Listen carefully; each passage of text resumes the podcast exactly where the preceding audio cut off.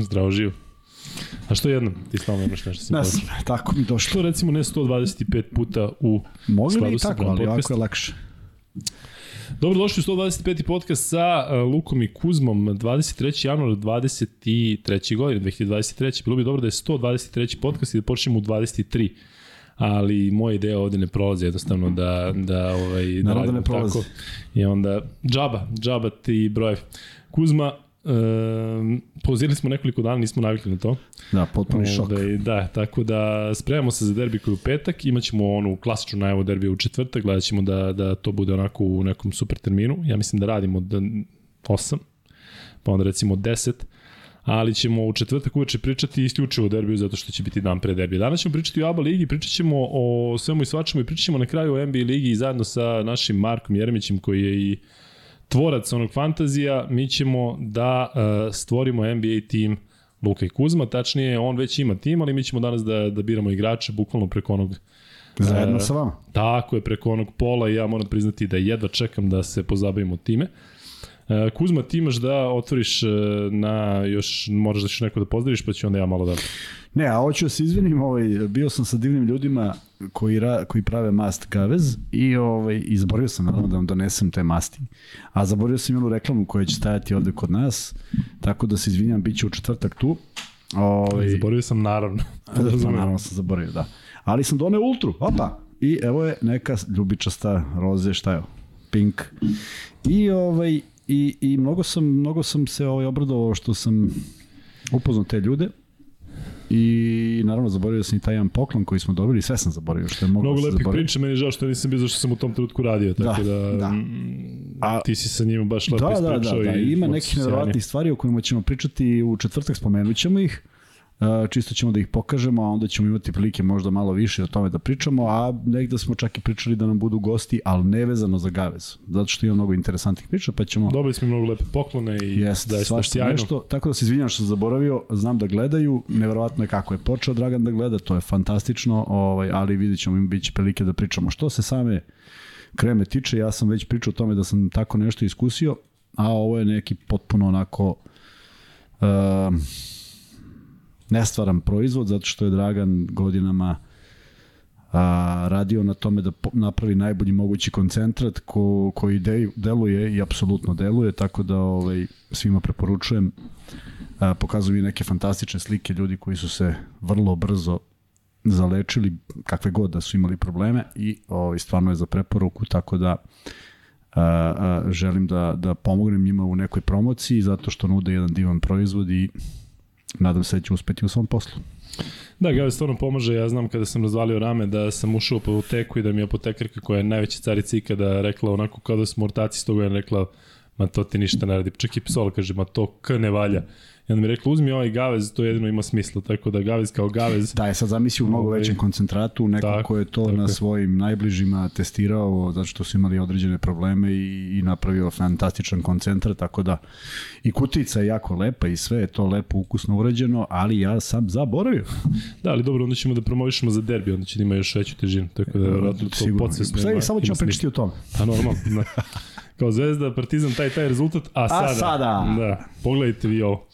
E, imam ja nešto za početak, dakle, ovde smo svi familija, dakle, mi koji smo ovde sa ove strane i vi koji ste sa te strane, zaista mislimo da smo jedna E, super ekipa. E, Kuzma, sa Kuzmom je problem raditi zato što čovjek stvarno je uvijek u pravu. I to ne govorim ovaj slučajno. Dakle, on e, e, nekada mnogo bolje rezonuje od mene. I recimo ono kada smo jednom, nešto sam ja bio nervozan, ne znam šta i nešto je on rekao, samo sedi u stolicu i bit će ti mnogo bolje. I e, nažalost, ja kako sam tvrdoglav nisam seo, ali ova stolica zaista je onako e, isceljujuća. E, trenutno je malo turbulentni period, naime, Uh, moj mlađi brat od tetke, Miloš, koji je uh, neko ko mi uvijek redovno pošalje poruku posle svakog podcasta i uvijek pohvali i uvijek ovaj, prokomentariša malo, dakle to je nešto što traje već dugo. Uh, vi koji ste me videli na utakmici prošlog ponedeljka, trebalo je on da bude tu, nije došao zato što je rekao da je, da je stomačni virus, dakle ja sam bio sa sinom, trebalo da bude nas trojica. Umeđu vremenu se tu nešto zakomplikovala situacija, jedan pregled, drugi pregled, eh, primljeni u bolnicu i trenutno ne može da gleda podcast e, i neće moći da mi pošalje poruku, ali ja sam siguran, s obzirom to da je mlađi od mene, da će sve biti dobro već do narednog podcasta, dakle, jednostavno ne prihvatam da bude bilo šta drugo. Tako da, mom bratu Miši zaista želim, želim brzo poravak i da mi jako brzo da me obraduje porukom ovaj, posle svakog podcasta, a hoću da se zahvalim uh, svima koji su, sa kojima sam imao interakciju ovih dana u KBC u Bežanijska kosa, zato što znate kako svi nastupamo, mora veza, mora ovo, mora ono.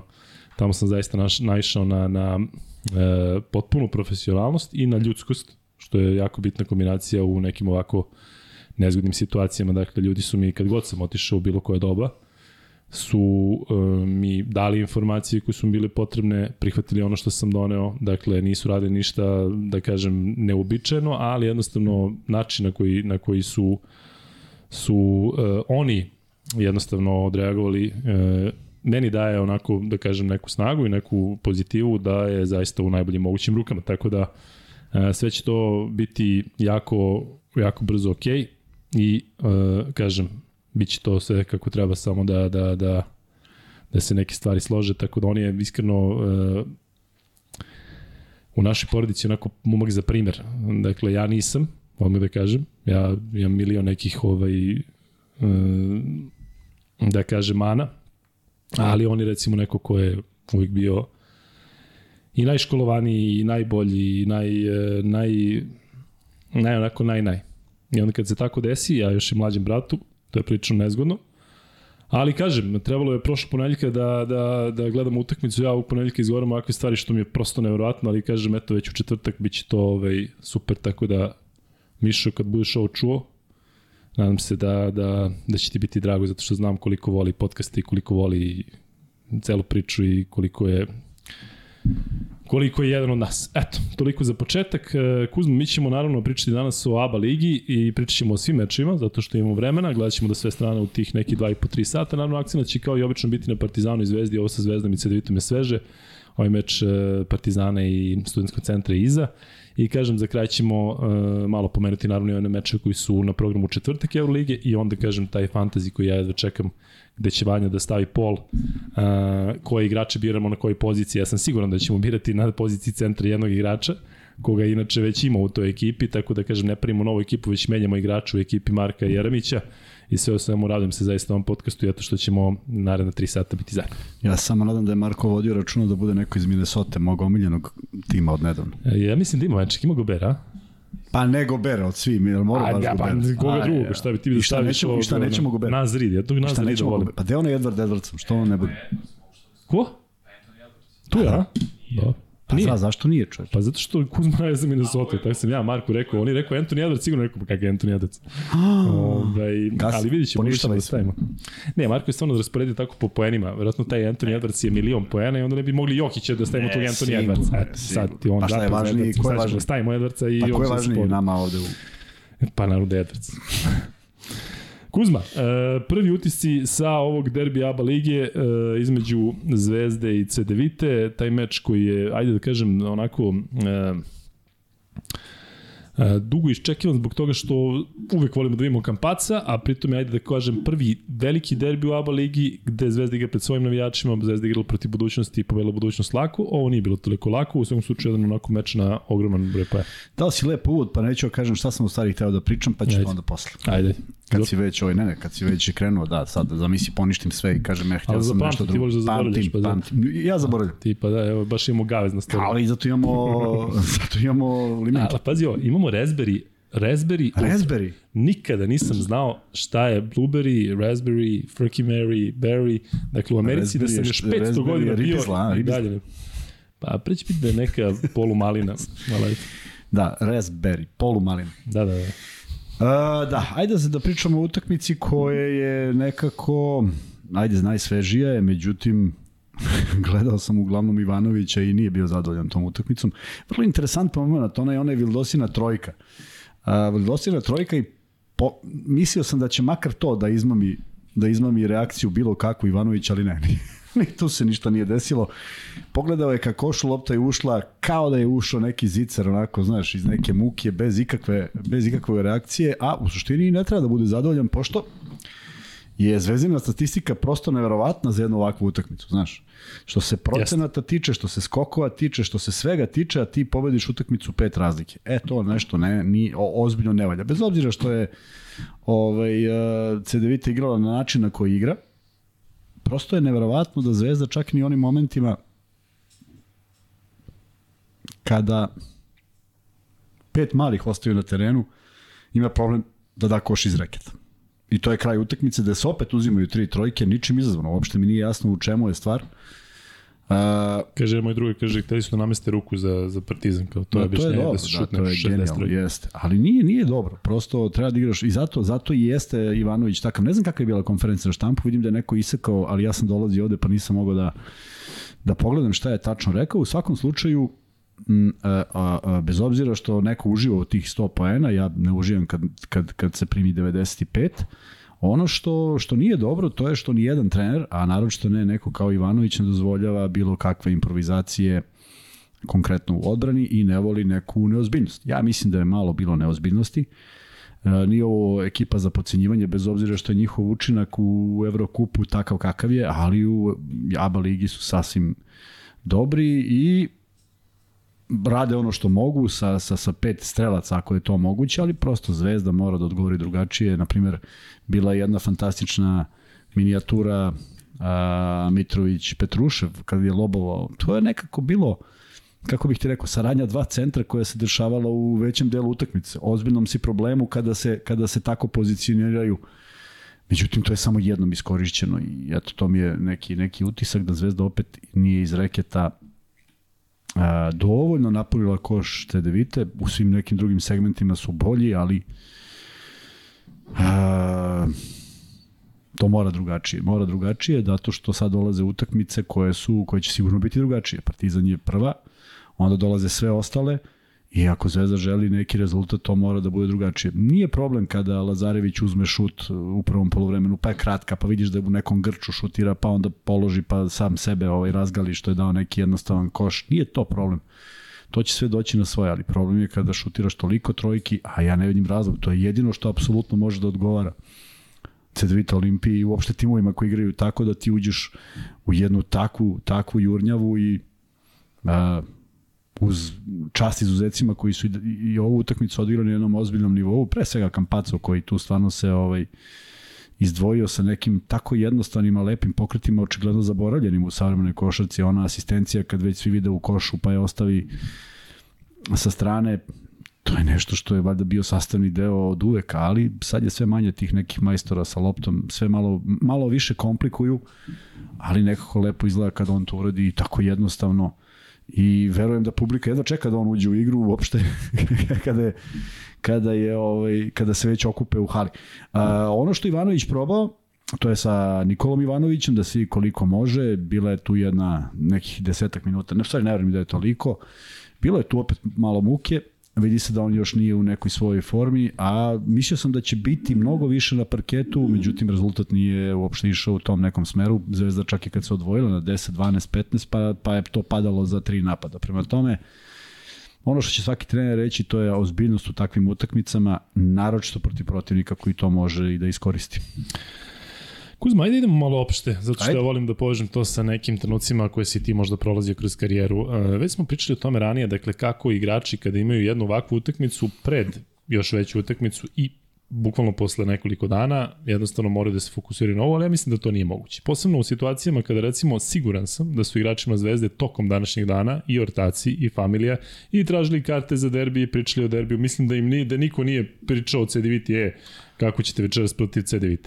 Koliko je zaista moguće fokusirati se kada je javnost i navijači i svi, zaista niko ne razmišlja o C9 Olimpiji, to je jednostavno da kažem usputna stanica koja mora da se dobije, a uopšte nije tako lako. Sa druge strane mi pričamo tokom cele sezone koliko je za timove poput CDVite, budućnosti i ajde da kažem ovih manjih timova u ABA ligi, da su to u stvari utakmice koje su u glavnom Tako sezoni. Je. Onda možda čak i ne mora da čudi što je tu bio neki, da kažem, balans i rezultatski odnos takav da Možda, možda ovih pet pojena razlike i nije realno snaga kada pogledamo. Dakle, imaš igrače koji jednostavno žele da se dokažu protiv Zvezde i imaš zvezdine igrače koji ne mogu da kažem da se štede, ali sa druge strane Znaš, ima tu i, i da kažem mirovitih igrača, imaš jednog Ivanovića, on jednostavno vjerojatno mu je fokus na nečemu drugom, a to nešto drugo ipak taj drugi ligaški meč proti Partizana. Kada si bio igrač i kada je bilo tih situacija da recimo, pominjao si mi hiljadu puta one neke situacije u kupu Danilograda, posle toga imaš Euroligu.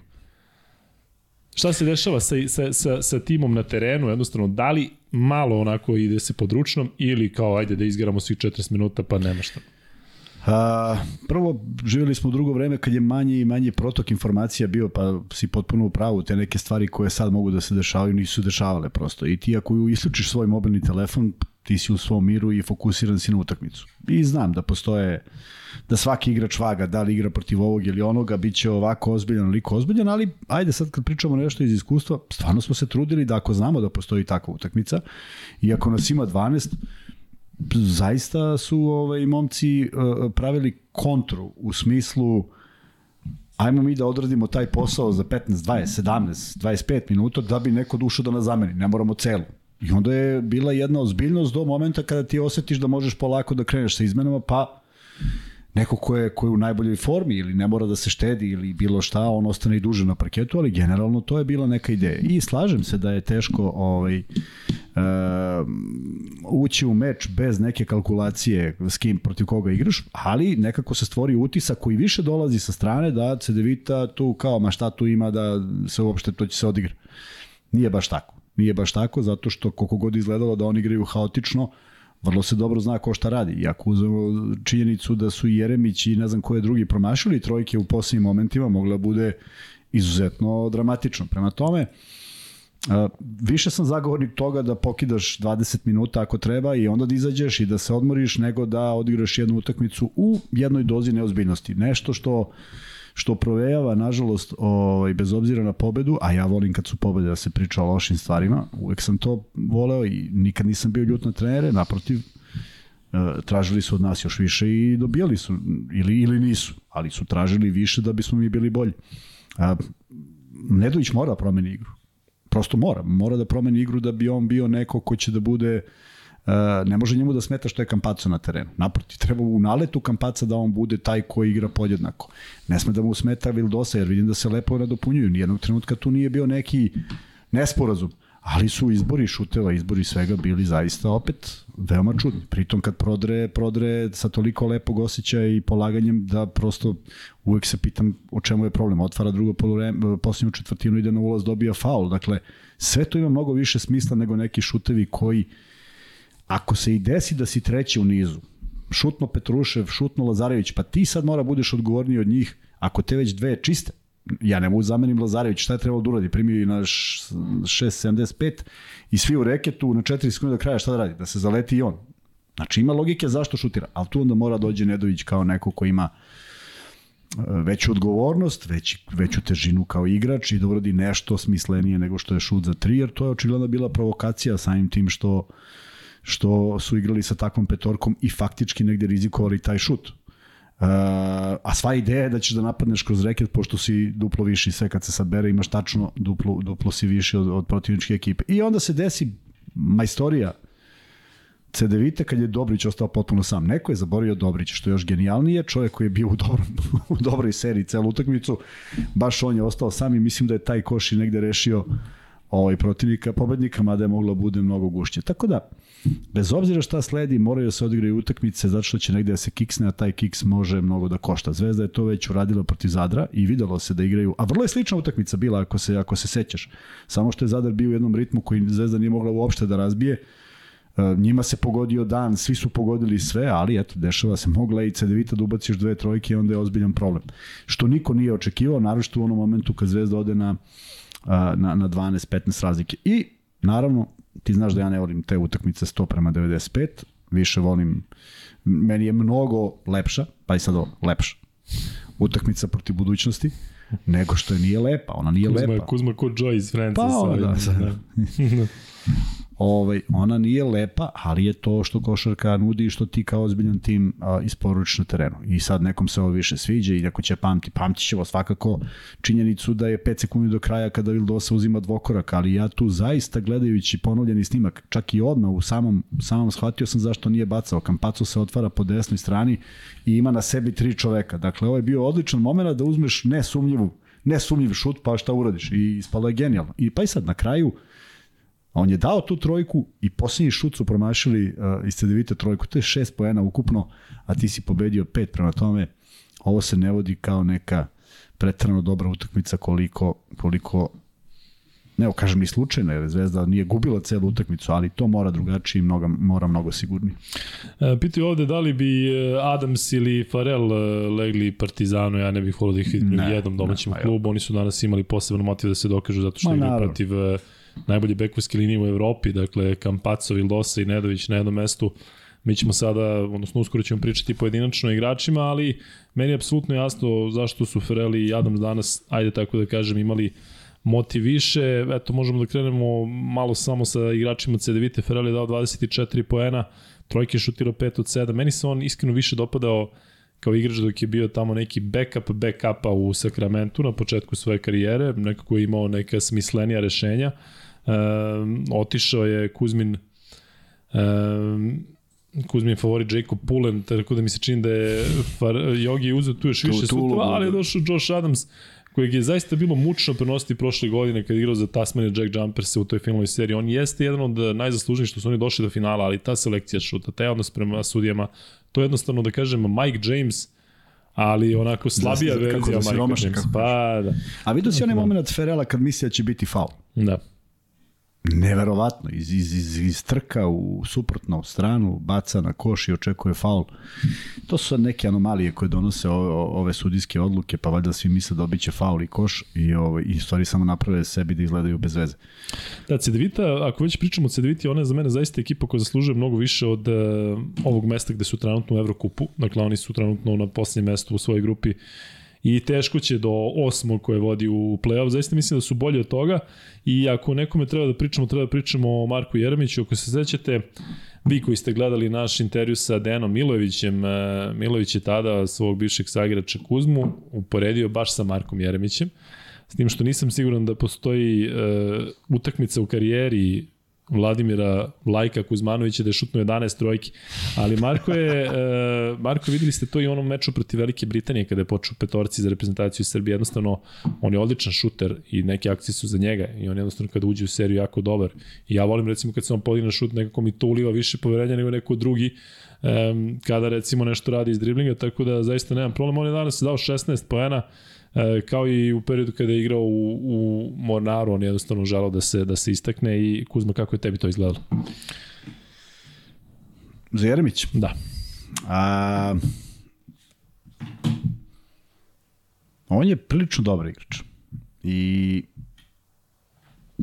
mislim da je previše, previše toga, previše se oslanja u igri na šut za tri pojena. Mislim da je, možda, da je mogao da bude mnogo raznovrsniji, sad je to jedna ipak drugačija igra i ja mislim da je on promašio tu jednu trojku kad je izletao iz bloka od, potpuno otvoren. Uh, igrao je odlično u Železniku, pa je bio u Mornaru, tako bilo? Da, da. A vidiš kako je to nekako nije išlo i išlo kako treba. Uh, kad se nalaziš u jednoj ekipi da imaš ovakve igrače, uh, koji ipak predstavljaju svoj vrsan one man show. E sad kad imaš dvojicu, to nije two man show, nego dva puta one man show. Bar da se dodaju, nego se ni ne dodaju. I, I teško je naći neku svoju igru. Dakle, bilo bi lepo kad bi neko čekao malo Jeremića pa mu tražio poziciju. Tako da, jako je teško kada, kada igraš uh, Murića na poziciji 4. Dakle, svi su, svi su šuteri i onda ide varijanta kome krene, taj verovatno više provede na parketu.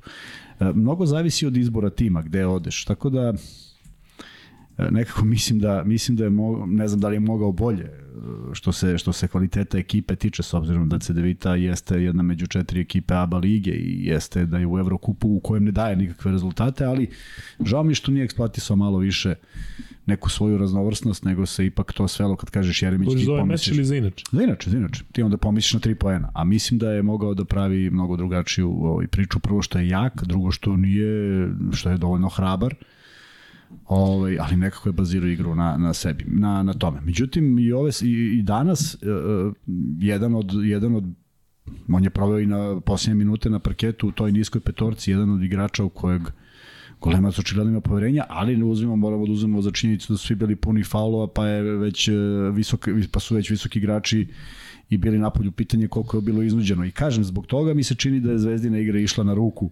CDVT, jer sve što je trebalo naprotiv trebalo da ide pod reket. Ono što nije bilo dobro u Zvezdinoj igri, a što su uspeli da isprovociraju, to je činjenica, su opet slovno bacanja bila loša. Pa je onda verovatno bilo daj sad da ne idemo na bacanje ako možemo da rešimo utakmicu u ranije, međutim, eto, desilo se kako se desilo, 195, uh, Cedevita za više mora da igra mnogo ozbiljnije, mnogo drugačije i ne, stvarno ne znam kako mogu u ovakvoj koncepciji da naprave neki ozbiljni rezultat. Prosto ti znaš šta ja mislim o Pulenu, kako sam doživljavao Omara Kuka i slične, dobri igrači koji ne vode svoju ekipu nikud. E, ja bih volao da vidim nekoga da ih odvede.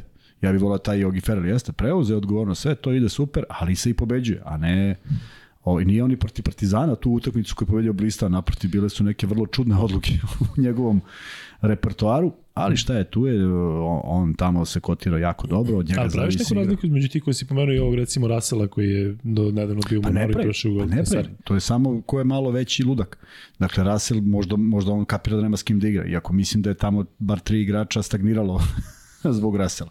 Sve je neka priča, koliko sam vidio, Pavićić dao izjavu da su morali da ga prodaju jer najbolji igrača, jer ne znam šta. Ne, da li nedostatak novca ili su se nešto, ne znam, otišli u Galatasaraju, baš me zanima kako će se snađi u Galatasaraju, čisto onako da pratim, da vidim. I, ovaj, i, I to su jednostavno igrači u koje mi imamo više poverenja, mislim, ljudi koji dovoljno imaju više poverenja zato što on stvarno može da da i Jogi Ferrell za sebe možda i može da da 30 pojena, ali da li mi pobeđujemo s njim? To je ono pitanje koje ja nikako ne mogu da razlučim, da li je to nešto što je dobitna kombinacija ili, ili, je, ili, ili stvarno takav igrač ne postoji ili ne postoji neko će dati manje, uraditi mnogo više neke drugi stvari, ne znam. Deluje, deluje da se, da se ovaj, neka imena vrte po timovima, a da rezultat na kraju nije ništa drugačije nego prethodne sezone. Ja bih volao da ispratimo gde su svi ti igrači, jer ti kad dođeš u CDVita Olimpiju i zoveš se Jogi Ferrell i imaš tog Adamsa, vi treba budete opasno dobar bekovski par. I da ne budete vi strah i trepet za timove od petog do 13. mesta, nego da, da, da uspešno nešto da urodiš. Pa da u Evrokupu nemaš najmanje pobede, nego da si bar negde u sredini tabela. Ali, drugačije očigledno. Vanček, možeš ti da staviš pol, da li vam se dopala igra uh, Crvene zvezde protiv CDVita Olimpije, da imamo šta kažu naši gledalci, bukvalno stavi samo odgovor da i ne, da idemo koliko ima oni koji se slažu sa Kuzmom. Ja bih još samo malo o Marku Jermiću, Dakle, meni je zaista drago što je dobio takvu šansu u reprezentaciji, ali sa druge strane, ovo što Kuzma kaže, žao mi je što jednostavno su godine protiv njega, on je sličan tip kao Vladimir Mihajlović, oni su u godinu dana razlike ili su zajedno prošle godinu u Monaru, ali rekao bih da su jedan i drugi jednostavno imaju takve karakteristike i takve mogućnosti da su možda mogli da naprave još bolje karijere. Taj Mihajlović je počeo u Monaru i sada je u Monaru. Znate da je, verovatno znate da je Marko Jeremić naravno u Novom Sadu, kao i većina košakaša počeo u Audini, pa onda vreme bio u Krušecu i Um, zatim FNP gde je igrao dobro i eto, možda nije dobio šansu u jednom od dva najvećih kluba, ali um, eto, ja mu zaista želim da sa CD Vitom on ostvari dobre rezultate i da on pokaže da, da može da igra na, na tom nivou makar Evrokupa, ali kažem, eto, 90. je Mihajlović, 91. Jermić, ako se ne varam, i kažem, sličan, sličan tip igrača, ček, mislim da Mihajlović samo nekoliko centimetara viši, Ali je drugačija situacija, recimo Mihajlović u, u reprezentaciji Crne Gore ima prostora, Marko Ermić verovatno kada je tim kompletan neće imati, ali e, videlo se zaista da mu je značilo da je želja bila velika kada je imao tu veliku šansu protiv protiv e, Velike Britanije. Nećemo više pričati o igračima Cedevite, želimo Cedevite Olimpiji da, da prođe u, u Da, u, naravno, to apsolutno je za region dobro da, da, da postoji što više klubova i negde uvek kada smo, kada smo najavljivali svake sezone Evrokupu, uvek smo pričali o svim klubovima i nekako ih posebno pratili kogod se nalazi u Evrokupu, ali um, nije ovo sjajna sezona, ni, ni budućnosti, ni CDVite. Da li je mogla bolje, to, to je za neku analizu ljudi koji se koji to treba da zanima. Meni zaista nije jasno kako CDVita Olimpija večeras iz Beograda putuje za Badalonu igra protiv Juventuda za manje od 48 sati, to ne mogu jednostavno da shvatim. kakvi su to rasporedi, ali, ali dobro. U, Cibona, jesi čitao za Cibonu, šta je imala neki... Da, da. Oni su da, imali, oni su, oni treba da igraju valjda u Šibeniku, a da Jeste. sutradan igraju u Čačku. Da, ali oni imaju, mislim da imaju e, tim koji je potpuno drugačiji od onoga koji igra u ABA ligi i koji igra ovamo, zato što Pa ima istog E, trenera. Da, ali e, neko je pisao ovde u studentskom centru kako u, u Crnogorskoj ligi je to potpuno drugačiji tim tim. gde su drugi igrači, tako da ovde sam siguran da će biti isti tim. tako da kažem, da, Da. želimo od se biti um, dobar rezultat u Juventudu, ali kažem sa ovakvom pauzom to, to ne znam kako izvodljivo, ali svejedno Kuzma, um, prećemo naravno na derbi kada završimo i sa Zvezdom i Partizanom i svim utakmicama i pomenut ćemo sve i svašta, ali hoću da te pitam koliko recimo e, može da bude prednost u jednoj ovakvoj situaciji kada je derbi u Euroligi u petak, Partizan odigrao meč juče i verovatno danas ili imao slobodan dan ili spremao, već počeo pripremu meča sa, sa Zvezdom, a Zvezda igrala večeras protiv Cedevite. Koliko taj jedan dan pauze u ovakvom rasporedu može da bude prednost? Može da bude prednost, naravno, zato što si malo odmorni, ali s druge strane jedna dobra utakmica može da bude takođe prednost. Dakle, da pitaš igrače da li je bolje da se poubijaju 5 na 5 na treningu ili ako, ako recimo nemaju utakmicu, ili da odigraju jednu ovakvu utakmicu, možda bi izabrali utakmicu, jer ipak neko možeš malo više da se odmoriš. Trening je intenzivniji i duže traje. Ali to nije iskorišćeno. I evo, sad smo dobili od uh, naših uh, prijatelja, od Ćukija smo dobili, Ćuki Čiča, verovatno, je on Ćuki Čiča? Yes. Dobio sam ovaj, pa sam zato i pročitao ovu izjavu na konferenciji za štampu. I ja je nisam čuo pre nego što sam došao, ali manje više, manje više mi se čini da sam rekao nešto, nešto slično. Dakle, prosto ja kao bivši igrač osetiš osetiš neke, ne, ne- neku reakciju trenera, kažem ti, to ništa nije bilo dobro i on je tačno i rekao, samo da smo samo da je Zvezda pobedila i to je jedino što se računa. Opet mnogo ispadanja iz odbrane, opet nekih stvari u 1 na 1, pre svega u 1 na 1. A, evo, vraćamo se, vraćamo se kako je Zvezda izgubila Žalgirisa. Najveća, najneprelaznija prepreka je bilo, bio Hayes. Sad, ili Zvezda nema čoveka koji je kao Hayes, pa daj brzo onda da ga dovedu. Bolje sledeće godine dođe Hayes nego bilo ko drugi jer igra strahovitu odbranu, ali ovde se dešavalo da i Petruševa i Bentila i sve probije onaj sa, sa keca. Nešto onda nije u redu, ili su, da li su bekovi bolji, u čemu je problem? Ali prosto ako se već preuzima, onda mora da bude i drugačija odbrana i da se nešto rizikuje. Tako da, dosta, dosta ovaj, loših stvari i stvarno sam mislio da u onom momentu kad Zvezda odlazi u trećoj četvrtini, tri minuta do kraja na onu veliku razliku, gledaj, rekao sada kad budemo gledali neku utakmicu u jednom smeru. Međutim, ne da nije bilo u jednom smeru, nego svaki put kad su pomislili ostali su u prilično dobrim pozicijama za šut igračice Devite, iako Ja mislim da je scouting bio upravo takav. Oni će raditi to. Nije CDVita odigrala spektakularno drugačiju utakmicu u odnosu na sve. Znaš prosto šta rade. Pa nešto moraš da rizikuješ. Ali kako se rizikuje? Sa dobrom odbranom. Kakvom odbranom? Odbranom da niko ne pogleda. Ne može da se desi. A seti se. Seče se lopta, Ferel trči u kontru. Ne može Vildosa dođe i stane na kapicu. Ne, on mora trči na njega. I ako je krena prodor, da napravi faul. Jer Zvezda u tom trenutku ima jedan faul. Ne možeš ti sad njega da čekaš kad, kad stvarno ne znaš šta će da uradi. Ja potpisujem da će od 10, 9 puta da naskoči 10. put ajde reda radi malo da, da, da vidi, da, da pokaže da može da proda. Tako da to su neke stvari koje valjda spremaš za utakmicu i tako toga se pridržavaš. I naravno trener ne može da bude zadovoljan, ni jedan neće biti zadovoljan, a ne neko ko ima ipak visoke standarde i ubeđen sam, ali ubeđen sam, visoke standarde isključivo za odbranu. Ja mislim da on nervni slom dobije kada i u odbrani ne valja, a u napadu možeš da dobiješ sugestiju zašto nisi dodao čoveku ispod koša. To je, ali ako si ti izabrao i oslobodio se za šut koji je potpuno čist, pa ja ne znam, ne znam trenera koji će reći što nisi dao, pora što nisi šutirao da promašiš. Ali u odbrani to mora da bude drugačije. Opet je bilo dosta skokova, nije Zvezda tu sad nešto drastično podbacila. Ali rezultat je bio na jednu loptu. Da je ona trojka ušla opšta panika na kraju na kraju utakmice. E sad da, neko kaže da neko kaže ja stvarno ne, nisam to primetio da je da je bilo nećkanja kod Kampaca da li da doda Dobriću. Ja mislim da je Kampaco bio zbunjen što je Dobrić sam. I verovatno je bio onaj moment kad je nije hteo da, da, da, da ide u brži napad Zato što je očekivao da će neko da se pomeri. Međutim, jedan dribling niko se ne pomera, drugi onda je dobio pas i Dobrica namestio potpuno sam, 4 sekunde. Je bio sam, ovaj, tako da ne mislim da postoji neko da tu nešto nije dodao iz prostog razloga što vidimo kako Kampaco reaguje kad postigne koš, kako pozdravi svakoga, kako asistira nesebično i nekako, nekako bih voleo da nije on ta glavna poluga, bez obzira što mi se mnogo dopada kako igra i što sam negde i u glavi imao, kako će to da izgleda. E, ne volim što, je, što, što izgleda kao da mu je najviše stalo da odigra dobro.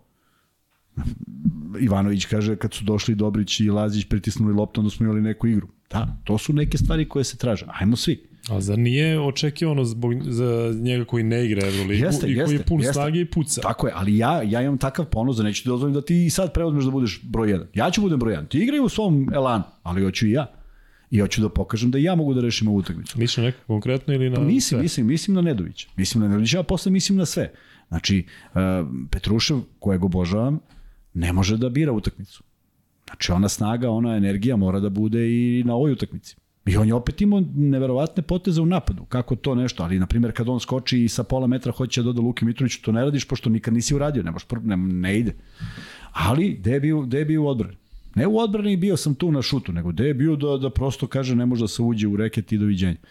Tako da to su neke stvari koje njih bruse i, i o, tada, tada bivaš bolji. Ne, nisi ti umorniji, nego si samo bolji. Pogotovo u tim godinama. Mislim da smo mogli da igramo 100 sati, a ne a ne jednu utakmicu. Da, i neko je ovde od naših gostiju rekao kako generalno igrači više vole da igraju utakmici, da za neko od njih, za pojedinci, nije ovo problematično što je toliko utakmica, bolje da gineš na utakmici nego da gineš na treningu. Sve stoji, da. sve stoji. I onda naravno što kad neko pauzira pa nije u onih 12, nego je još sa strane, uh, to je nedelja bogom dana. Ali, ispravljaš stvari na treningu. Ne možeš ti sad da uzmeš time out i kažeš e, nije trebalo tako, a on sad kaže e, važi coach sad ću i uradiš baš to. Možeš, ali nije to to ovaj nešto što što je pravilo. Tako da, velika razlika je kad nešto uradiš milijardu puta i onda dođeš na utakmicu i ponoviš, nego kad si uradio dva puta. Ne znaš da li ti u automatizmu ili nije. Tako da, razlika između onog i ovog vremena je što smo tad neke stvari radili automatski jer smo po navici radili, bile su naravno dobre od dobrih učitelja, pa smo im i verovali. A ovde nekako izostaje. Nekako mi se čini da, da, da ćeš u tri napada i tri identična napada um, CDVite da će svaki put neko drugi da, da, da, da, da zakasne. Tako mi deluje. A trebalo bi da rade kao, kao jedan sistem, kao jedna mašina koja ima tačno svoje šrafove i da su svi ukomponovani. Kažem, nije to u određenim segmentima bilo loše, ali kad se sve podvuče, Cedevita koja nema pobedu u Eurokupu i Zvezda koja ima 10 u Euroligi, ne bi trebalo da budu konkurentni na jednoj ovakvoj utakmici, a pritom Zvezda pojačana kampacom. Prema tome, mislim da, mislim da negde igrači Cedevita mogu malo i da žale što nisu ušli u još neizvesniju završnicu, bilo je tu nekih nerazanskih odluka i kod njih i gubljenja lopti, ali mislim da je to i ekipa koja nema dovoljan kvalitet da se suprostavi, samo to moralo bude mnogo ranije. E, da, e, ajde da krenemo od igrača, ali da krenemo ipak od te bekovske linije, od e, te trojke. Kampacu 19 pojena, 5 skokova, 5 asistencije, a Vildosa 15 poena, 5 skokova i 6 asistencija. Onda dolazimo do Nedovića koji ima 8 poena i 2 asistencije. Dušan Nedović je u ovoj trojici igrao i najmanje, njegov šut za 3-0 od 3, a i Vildosa i Kampacu imaju 3 od 8. E sada, da li zaista Kuzma realno ima prostora u napadu za svu trojicu? Ima. Ima, ne treba Vildosa da uzme bar 5 od onih 3 od 8. Znači, Vildosa je taj koji je možda taj, danas... On je samo, da, on je samo hteo malo da se zabalja, lepo mu krenulo lepo je to izgledalo, prvo polovreme neki stvarno spektakularni potezi, Kampaco koji je pronalazio koga je hteo, lopta je išla, lopta i kad ide i kad ti ostaneš sami i promašiš, to je ono što sam rekao, onda ti trener pošalje sutra da šutiraš malo više, da bi, ali to znači da si ti izgradio potpuno poziciju. Nažalost, Vildosine pozicije, bar tri, nisu bile izgrađene, bile su šut, ono što, ono što ja ne volim, a ne verujem da kad, kad se promaši tri puta voli bilo ko drugi. O, I mislim da može mnogo jednostavnije da igra. I onda mora da se zna neka ideja, ali da bi, da bi ti sproveo tu ideju, Nedović mora bude u potpunoj formi. I sada ti ako si tri puta napravio akciju za Nedovića, on šutne 3-0, onda se pitaš ovaj, da, li si, da li je to pravi potez, pa se to pita i trener, pa je neko izašao iz igre. U svakom slučaju mislim da ima apsolutno prostora za sve njih, zato samo ako se posvete onoj jednoj ideji, to je da se pobedi timska igra. Pazi, ti Vildosa imao do, 3 od 8, od toga je ona jedna sa pola terena, znači 2 od 7 ta luda što je ušla, ne mogu da je računam kao ozbiljnu trojku. 2 od 7, to je malo lošiji procen od 3 od 8. E, vidiš, kada pričamo sada o toj bekovskoj liniji, e, Campazzo i Vildosa onako prilično sinhronizovani što se tiče statistike. Dakle, nekako nije ni čudo što njih dvojice igraju dobro zajedno. kada znamo da su igrali u Argentini i da se dobro poznaju i da su čak i dobri prijatelji. E, kada sam te pitao za, za Nedovića i des, deo on u svemu tome, ti si sam rekao da jednostavno mora da pokaže, ne u smislu nekog rivaliteta, da sad, kad sad ću ja da ti pokažem, nego jednostavno sad ću da se uklopim pa ću da, da vidim. Ali recimo Dobrić je danas iskočio i jedna utakmica praktično skoro pa bez, bez, bez greške. Da. Bez promašaja, definitivno 3 od 3 za 2, 4 od 4 za 3. Ja sam najavio Dobrić je protiv Žalgirisa, jeste imao jedan bitan šut, ali meni se čini da Dobrić lagano se podiže i da mu recimo odgovara sve to što se dešava što se dešava u timu. Dakle, sam si rekao ostao u jednom trenutku sam, to jeste njegov. Da kada je tako, sam da pogodi, da jednostavno nekako iz drugog plana dođe, dođe do, do, do nekih dobrih poteza. 18 pojena, 2 skoka, jedna asistencija za 24 minuta. Tako je. I vrlo redko ispada. On, on ispunjava te zahteve. Pritisak na loptu, rotacija, pomoć, faul. On radi sve. I to je neko podređivanje kolektivno. On kad je sam probaće, kad nije sam, vrlo redko on uzima neke šuteve da on sad sam sebi kreira, osim ako je kraj napada. Prema tome, vrlo zahvalan igrač koji samo da uđe u neki ritam. Ne ovo, ovo je sad jedna utakmica bez promašaja. Ja bih voleo da je, da, da, je, da je danas promašio tri puta, ali da je dva puta pogodio protiv Žalgirisa. Tako da, ajde neka bude da malo krene u neku sigurniju seriju utakmica gde će biti u boljim procentima, ne u savršenim kao danas, ali u boljim. I onda dobijaš još jednog ubojitog napadača. I ne vidim da problem Zvezda ima sa tom spoljnom linijom ni u kom smislu i mislim da ih ima dovoljno da mogu da da kompenzuju jedan drugog, da pomognu jedan drugom, da odrade prljave stvari jedan za drugog.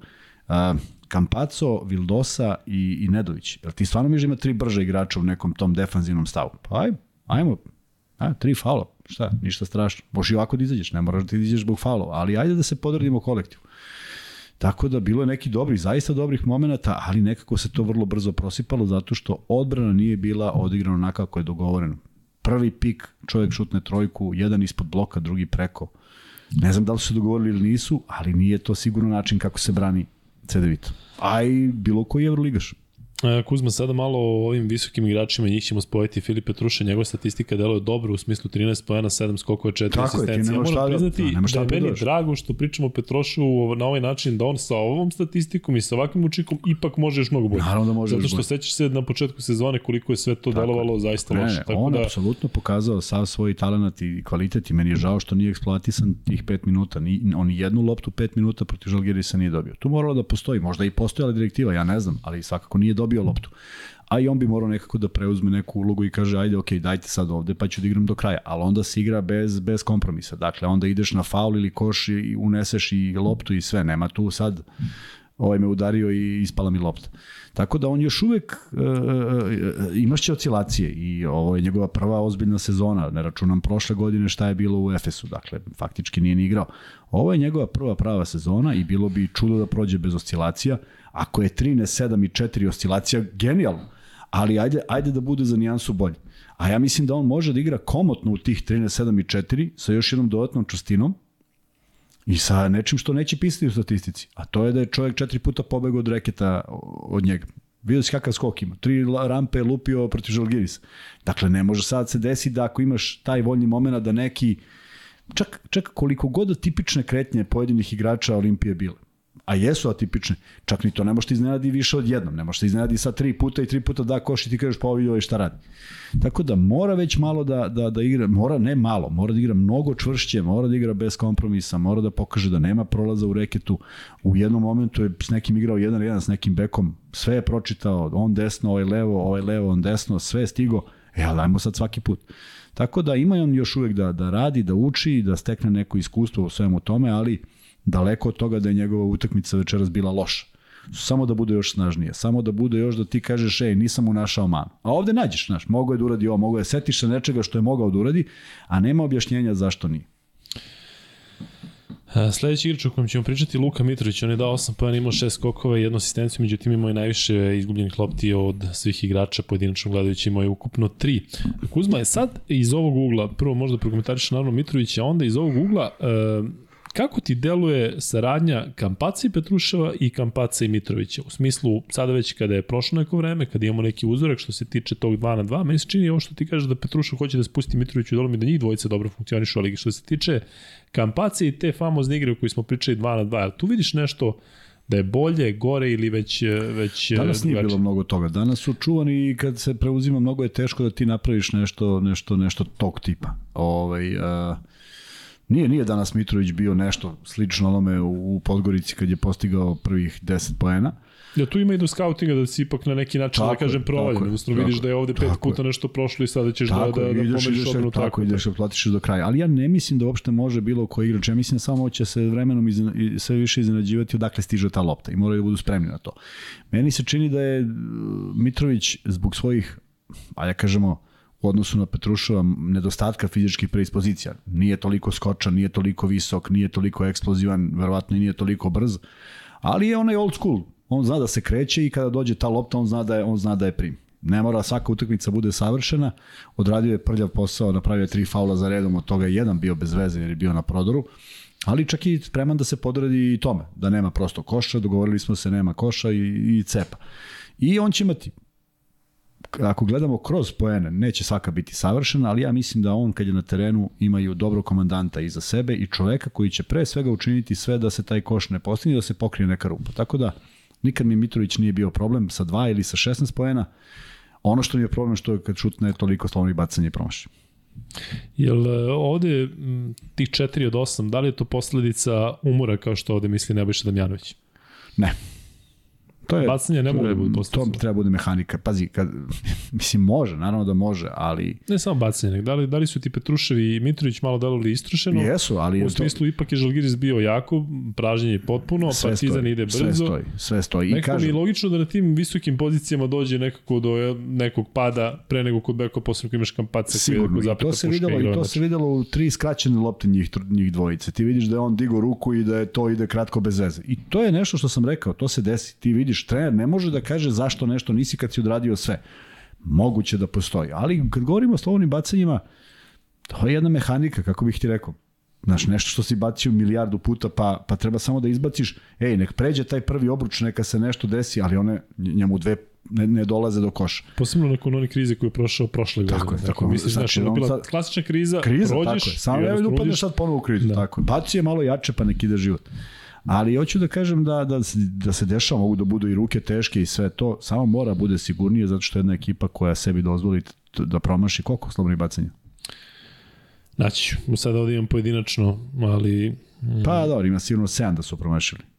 Ja sigurno, pa evo ti Kampaco 2 od 2, Vildosa 2 od 4, Petrušev 1 od 1, Mitrović 4 od 8, Nedović 4 od 4, 6.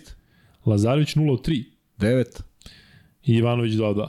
9. 9 slovnih bacanja, to je bre pobeda, to je čitava utakmica, to je četvrtina, daš za, polo, za po, to je pola četvrtine, daš 18 pojena u četvrtini, a ti si 9 promašaj slovnih bacanja. I ne kažem da ćeš stalno šutirati u 100%, ali samo u nekom procentu koji je za svaku ekipu tog, tog kalibra dobar i sve je okej. Okay.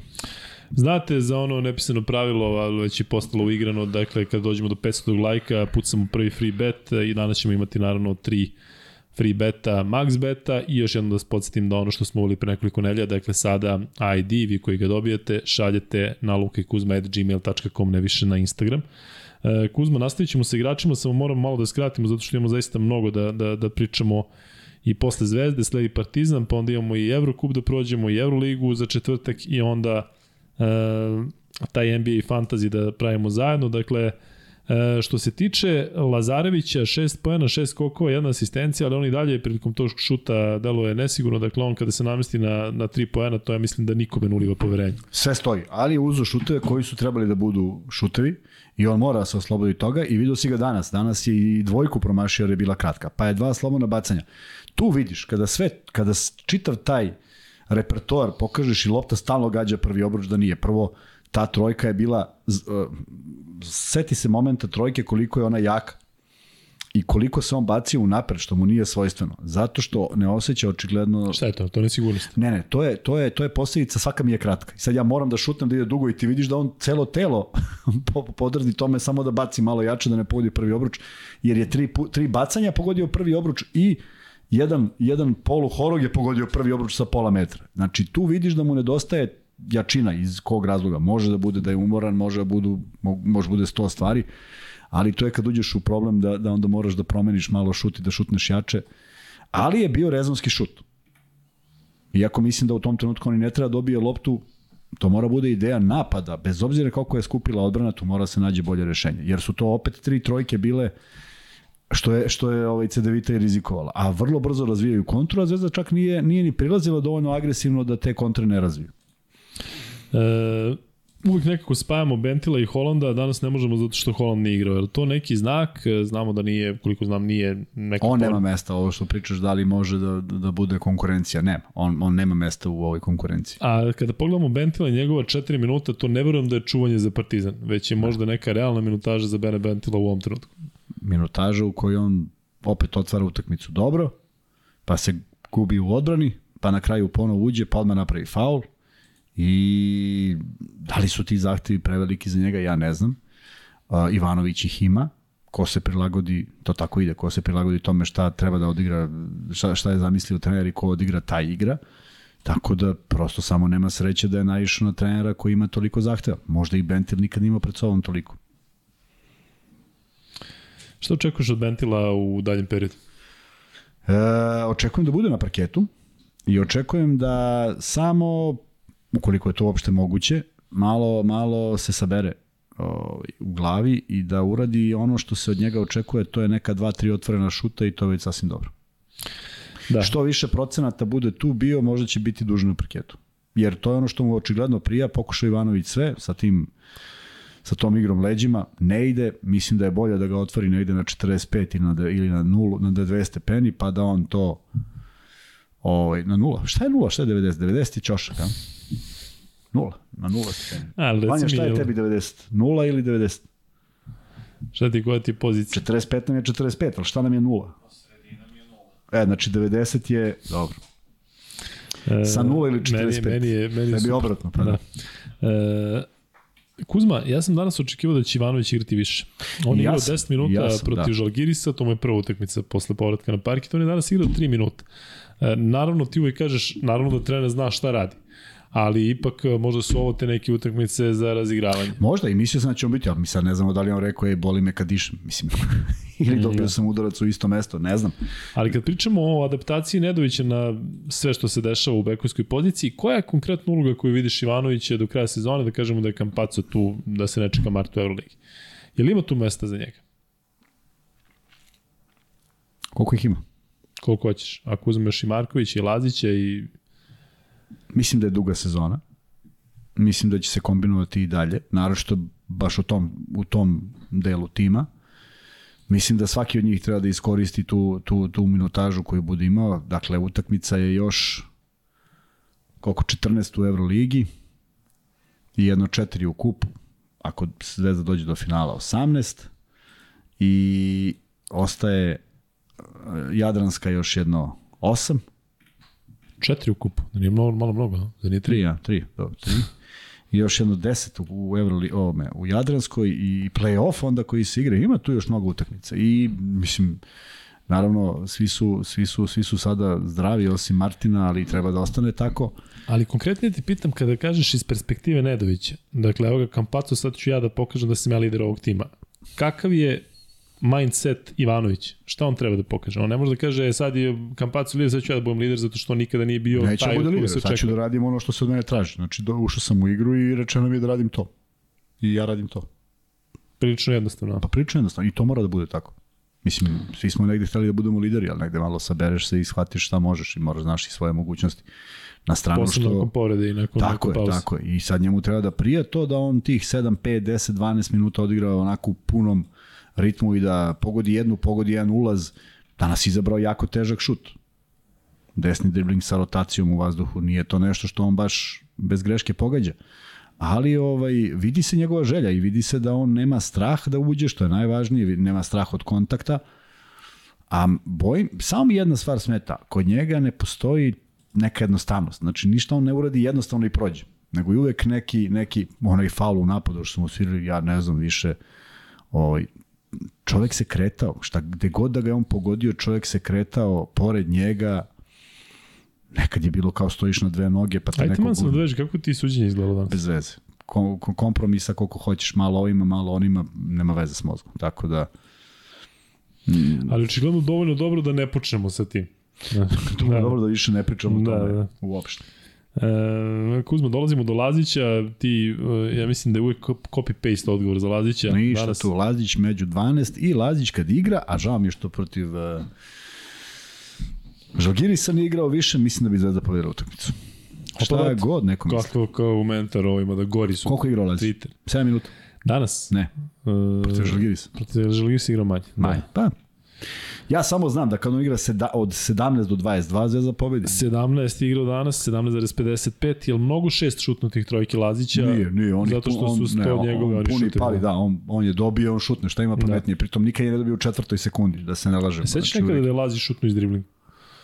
Pamtiš neki meč? Uh, pamtim mečeve da ima neke flotere, vrlo uspešne, Aha. I što mi je bilo fascinantno, čak i levom rukom, što mi je potpuno nejasno. Ja, ja mhm. levom nisam mogao da uključam vrata, ne da šutnem loptu on to izbaci levom sa takvom sigurnošću da sam se uvijek pitao, ali koji je razlog? Šta kao da pokažem, jednostavno mu tako dođe, on izbaci i onda stvarno uđe, ali mislim da to ne treba da radi. Ovo mu je najjednostavnija igra i siguran sam da je jedna od direktiva, je sad to je vrlo bitno, kad slušaš trenera provedeš vreme na parketu. Lazo, vidi, kad je dobiješ ti je šut. Tako. I čovjek uopšte ne mora da izmišlja ništa, ništa spektakularno. Dve lopte je promašio, ne, jednu je promašio, jednu da odmah posle toga. Od njega 3-6 i taj prljav posao koji radi, I na kraju, eto, opet taj isti trener kad ga vrati u igru kaže da on je uneo promenu jer je pritisnuo loptu. Pa je sad kao, ti nekom kažeš pritisnuo loptu. Pa šta, svako može pritisnuti loptu. Malo sutra može svako pritisne loptu. Da li svako hoće da pritisne loptu? Da li, svako, da li svako hoće da pritisne loptu? Da. da li se svako seti da pritisne loptu? E... Znaš, imaš onaj moment kad kao ajmo svi da pritisnemo loptu, a jedan otrčao jer je proslavio koš. I trči i, i onda se seti i propada odbrana, propada sve. Kuzmić 5 minuta, ništa nije tu Taj bilo. Taj nisam igrao, to je na početku, a? Da. To nisam e, Kuzma, dve stvari sada oko igrača koji ne igraju. Ti si već rekao oko Holanda. E, Hasan Martin kada se vrati, e, Hasan. e, gde ga očekuješ u ovakvoj rotaciji? Hasana očekujem uh, u rotaciji da se proba nešto što je probano sa svim igračima. A to je da je svakom data šansa. Hasan Martin još nije dobio šansu osim onoga što je igrao, pa se povredio. Njega očekujemo za uskoro. Tako, Trebalo bi uskoro da se pojavi, može da bude vrlo bitan faktor zato što u tim nekim minijaturama je on vrlo sličan dobrom šunjanju Mitrovića. Dobro se kreće, on ako dobije upotrebljivu loptu, on vrlo lako može da poentira. Ima brze ruke, brzo razmišlja. Ne baš da bude nužno ispod koša, nego negde tu sa metar, metar i po od koša. Uh, njegova saradnja sa Bentilom s početka kad Ivanović došao je bilo vrlo korektna, kako je primio on je izbaci pre nego što odbrana stigne da reaguje, tako da je on tu vrlo koristan i u suštini izvukao jednu utakmicu, ono kad je pogodio sva, sva slobodna bacanja. Tako da sigurno može da donese tu nekome odmor, a kako bih ti rekao, iz povrede kad se vraćaš i sad treba da igraš duže od 7 do 10 minuta, ne znam ni koliko je to... Ovaj... Još si i stranac u da, da, da, da, Tako da treba koristiti svu svoju minutažu. Uh, neke, nekada su treneri govorili slatke muke, imam 15 dobrih igrača pa ću lako da izaberem. Naravno da neko trpi u tom trenutku. Jedan od redkih kojeg mogu da zamislim da mu ne smeta tako nešto je, na primer, Marković. Danas ga gledam, onako sedi i vidim, prati on utakmicu i sve i sigurno i siguran sam da i na ovoj utakmici prati sve ono što Ivanović priča. Dakle, bez obzira što nije na klupi, čuje se i vidi se i, i, i, i sigurno neće ponavljati takve greške. Ali ovaj, na primjer, sigurno njemu prija. Što da mu ne prija? Izmaltretirao se, odigrao jednu seriju utakmica, e, po mom mišljenju sasvim solidno, neke i van serijski i, ovaj, i zaslužen odmor. I da za kraj kažemo nešto, znam da će tvoj odgovor biti... E... Ne, moj odgovor će biti ne. Da. Šta? Ja znaš šta ti ne znam. Ima li mesta za Raduljicu? Ne, bilo ne, ne. Pa viš da je bio ne. Da, da vidim da je bio ne. I prvo... Čak i sada kada, pazi, Martin ne, nije ne, tu, uh, Kuzmić je igra 5 minuta, treba možda odmoriti nekoga. Ja i dalje mislim da on može da odigra bar u ABA ligi nešto. Nema tu sad barem u ABA ligi. Dakle, Raduljici nije, ne, ne nedostaje iskustvo, ne nedostaje mu način da tako koša. Raduljici nedostaje najvidnija stvar kondicije. Ali zar to nije nadoknadivo tokom sezone? Došao čovjek pre četiri meseca. E pa sad, ako za dva meseca bude, onda, onda neće biti na upotrebi. Ali ja ne znam šta on radi na trenizima. Možda on trenira kao lud. Ja mislim da sam malo istesao od kad, je, od kad smo na posljednjem potvrdili na parketu, ali ako je, dobit će sigurno, jer mislim da su svi zaslužili da budu da dobiju minutažu. Uh, nikad nisam sumnjao i s opoštovanjem prema njemu i njegovoj karijeri i svemu što je uradio za reprezentaciju, ali prosto Ako me sad pitaš da li Hasan Martin u onoj fazi u kojoj je bio pre povrede ili Raduljica u onoj fazi u kojoj je bio kad je došao, prosto biram Martina, jer ne možeš da kažeš ova ima zasluge za nešto. Nije sad stvar zasluge ili ne, nego šta možda uradiš na parketu. A Zvezdi je potrebna ta neka čvrstina, jer definitivno tu čvrstinu od Bentila neće dobiti, a Martin će je pružiti. Martin će odraditi taj posao. Da, fali nam još desetak lajkova da stignemo do 500 i onda ispucamo prvi free bet. Vanček, ti možda završiš ovaj... Uh, odnosno zatvoriš ovaj pol da vidimo da li vam se dopala igra Crvene zvezde protiv CDVite. Šta kažu, kažu ljudi? Sad ćemo da vidimo. Evo ovde e, pominju Dalibora Ilića, njega smo zaboravili. Yes. E, njegova situacija je drugačija nego, nego Raduljicina, potpuno, ali tako? Njega treba očekivati. Njega treba očekivati i on je, on je neko ko sigurno ko sigurno ovaj e, radi vredno i želim da želim da verujem da on radi vredno da se da želi da se nametne. Tek on ima konkurenciju u suštini kako hoćeš, al tako? Da. Znaš, ti kad pogledaš Lazarevića koji varira sa 3 na 4, a možda igra jedno i drugo i u napadu i u odbrani, to ti je konkurent, koliko god on, ti si nešto viši i ovakav i onakav, ali kad vidiš koju, opet danas neke neverovatne odbrane, par lopti ispadaju zato što je on čvrst u odbrani. To svaki trener ceni. A naročito Ivanović koji priča o odbrani uvek više o bilo čemu. Da.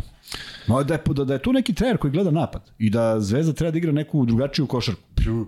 Pitanje je da li bi, da li bi, pa da, pitanje je kako bi to izgledalo. Vidim da smo prebacili 500 lajkova i e, drugi free bet će biti naravno kada dođemo do 1000, u nadi da ćemo doći do 1000, uh, e, blizu 2000. Sad vi, vas 500 da. ponovo iz početka. Tako je. Samo s drugih, e, samo s drugih tableta. Nabrojite prezimena bar četiri, četiri igrača Crvene zvezde koji večeras nisu bili u 12. Dakle, mi smo ovde pominjali, pominjali smo praktično petoricu, ali vi nabrojite četiri igrača Crvene zvezde koji večeras nisu igli protiv CDVite i ko bude prvi dobit će prvi free bet, tako da, eto, to je, to je prvi free bet, mi ćemo sada da da pređemo na, na Partizan. E, Kuzma, evo, dok, dok se čeka ovaj, e, ovi odgovori, recimo, ili imaš još nešto da dodaš što se tiče Zvezde, naravno, pričaš još malo onako opšte o derbiju kasnije. Ne, ovo je sad, sad u glavama igrača potpuno razumljivo, prošla je još jedna utakmica, verujem da su imali ozbiljan sastanak u... I nema neko da misli da ja išta znam. Ovo što pričam govorim samo iz nekih pretpostavki zato što znam kako smo završavali takve utakmice. Uh, stvarno ljudi opet, da, da, da ponovim ljude koji ne znaju, uh, Duško Ivanović, vrlo sličan Željko Obradoviću, vrlo sličan u određenim stvarima Darko Rusu, u nekim stvarima sigurno i Mute Nikoliću. Bili su uvek ozbiljni sastanci kada se odigra utakmica u kojom u kojoj ne možeš da budeš zadovoljan ishodom. Ja, ja da sam sad igrač Zvezde večeras, bilo koji, koji god, dao 20 i nešto ili 5, ja ne bi bio zadovoljan. Ali bi to morao prođem od sebe. Ne, ja nisam zadovoljan što Luka nije igrao dobro, nego nisam zadovoljan što ja nisam igrao dobro. I onda su to neke stvari koje mogu da se isprave. Ako sad tu sad svako gleda šta priča ovo, ja mi pobedili, to Kako ne pije vodu. To je bitan faktor trenera, da bi, naravno, da bi, da bi naravno, igračima... Naravno, pa evo ja, ja, ja verujem da, da, da su svi oni Ajmo sad pričamo o Ivanoviću i Petruševu, pošto su oni najdrastičniji primjeri, je li tako? Svi oni su poverovali nešto što priča Ivanović. Ne možeš danas da veruješ i da ti to da stimulans i ti promeniš igru. Ivanović krenuo majestrano da igra, Petrušev još bolje, i samo dođe na ovakvu utakmicu i pričate nešto, a ti sad kažeš, e, nije, nije u pravu. Znači i sad je u pravu. Ne može on bude u pravu pa ne bude u pravu. Pogotovo što moraš da budeš nezadovoljan utakmicu. Možda je publika mogla da uživa, možda se dugo nije videlo 100 poena, možda je sve to tako lepo, procenti su neki neverovatni.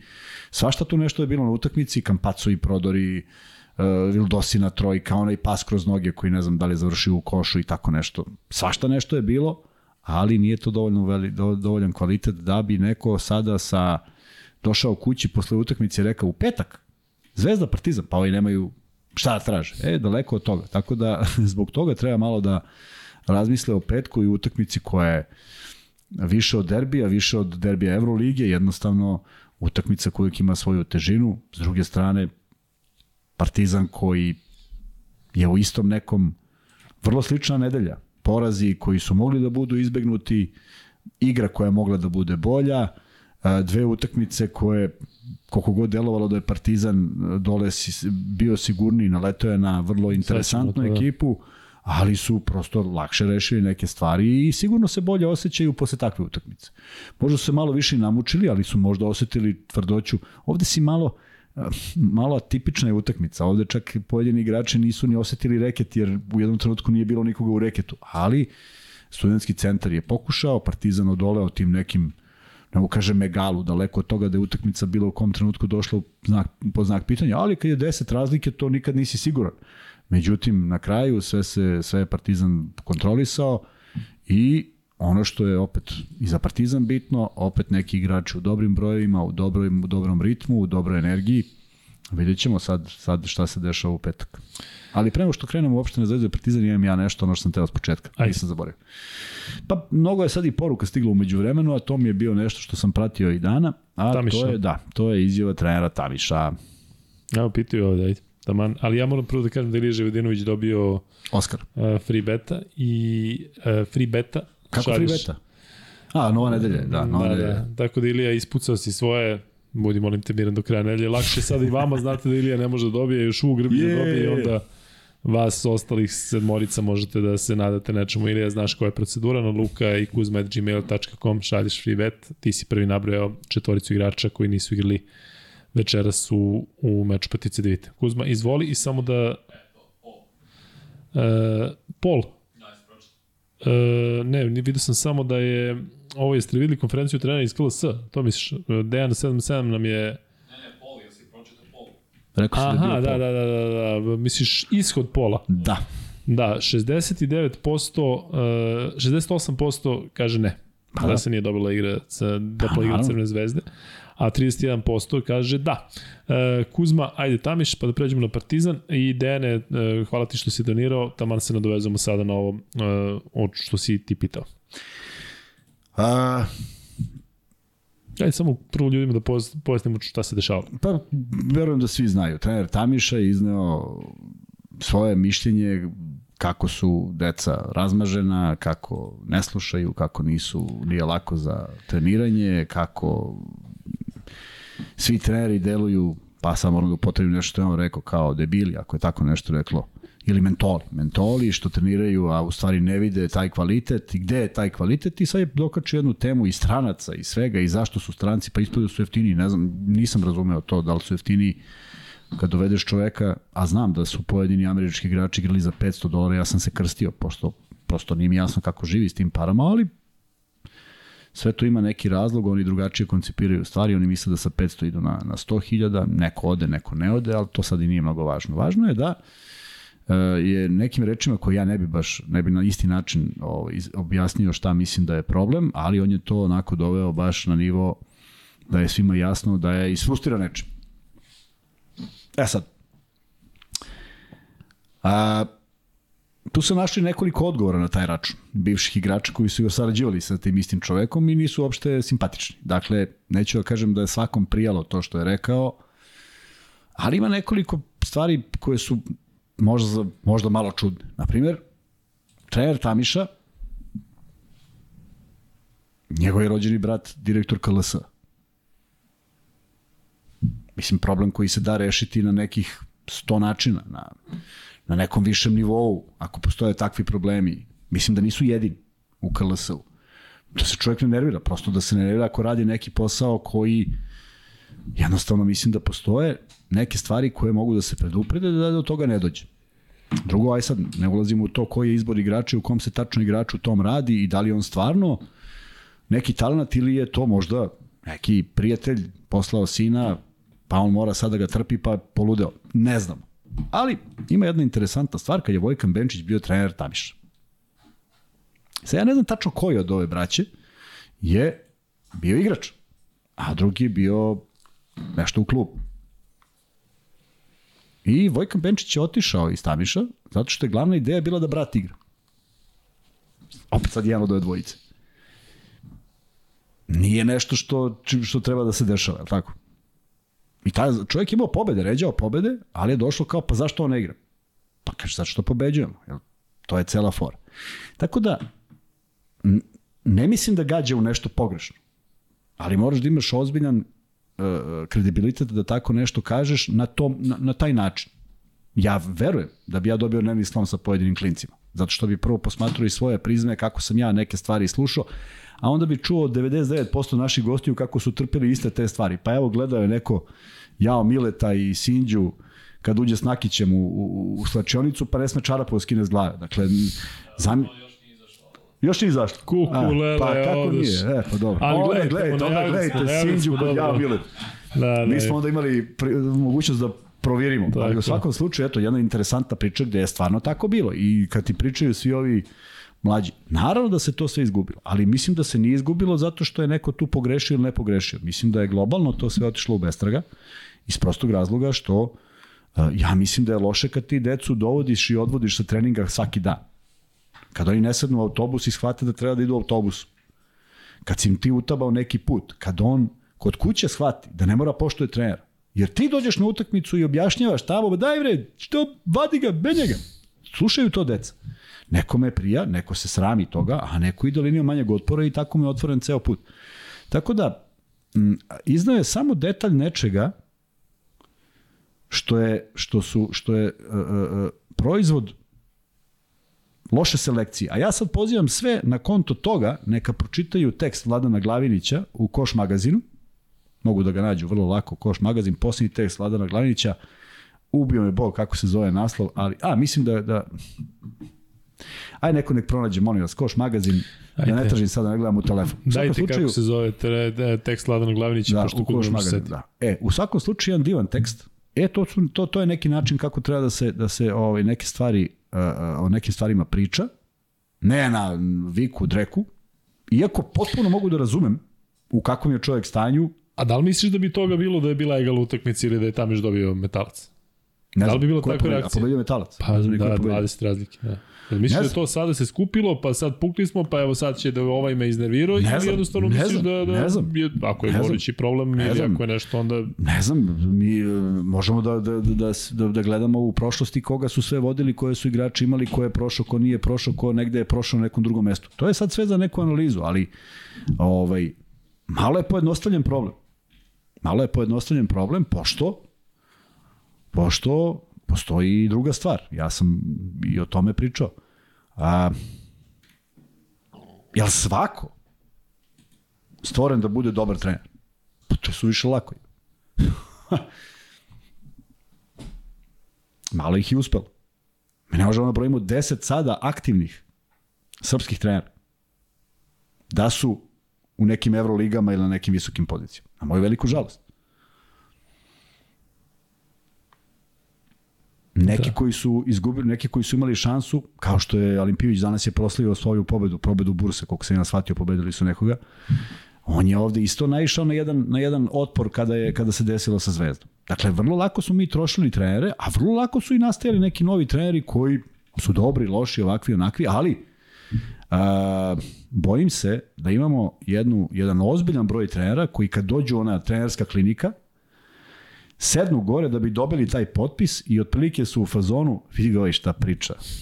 Znaš, nemamo, nema poštovanja, nema daj da naučim nešto i tako dalje. Ali naravno, nisu svi takvi. Ima i ovoga i onoga. Imaš i to dete koje neće se vratiti u odbranu. I imaš selekciju u 18 na, na, na svim trenizima na kojima sam bio, ne da se vraćaju u odbranu, nego, nego ono, u 16, u 18, ginu. Znači, nije tačno da su svi takvi. Tako da generalizovati problem u deci, u netalentima, pa zato dolaze stranci, nije baš nešto realno.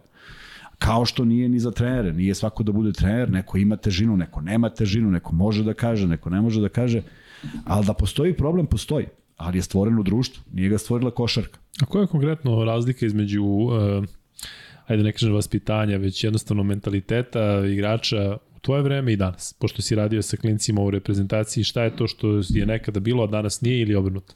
Na prvo, mi nismo imali roditelji na treningu. Drugo, niko nije znao gde su nam treninzi. Treće, niko nas nije vozio. Nego završi školu, ja iz pete završim u 7 i 15, torba mi je na ramenu, odem na 48, 48, pa uvatim ne znam šta, Bora Stanković, ja ne mogu da nađem školu danas gde, ej, majke, ja ne znam gde sam išao uopšte. Na banjici? Pa da, trošarina tamo, ne znam. Kako ne znaš, ogromna škola, bre, kod blizu mene. 11 i 15 poslednji autobus, ako Luka dođe kolima, Luka Kojić, ako dođe kolima, svi se natrpamo u peglicu, samo dođemo do Slavije, izađeš iz nemogao na Slaviji, znači ti si ceo dan u akciji i čekam tramvaj. Dvojka. Znaš koliko je išla dvojka? Jednom u dve godine. Zato se izvala dvojka. Ili trojka. Trojka. Dvojka, trojka. Trojka bila je, bila i dvojka. I onda dođem kući i legnem da spavam. Znači, ručao sam u pola jedan, prema što sam otišao u školu i ništa nisam jeo. Nemam snagi.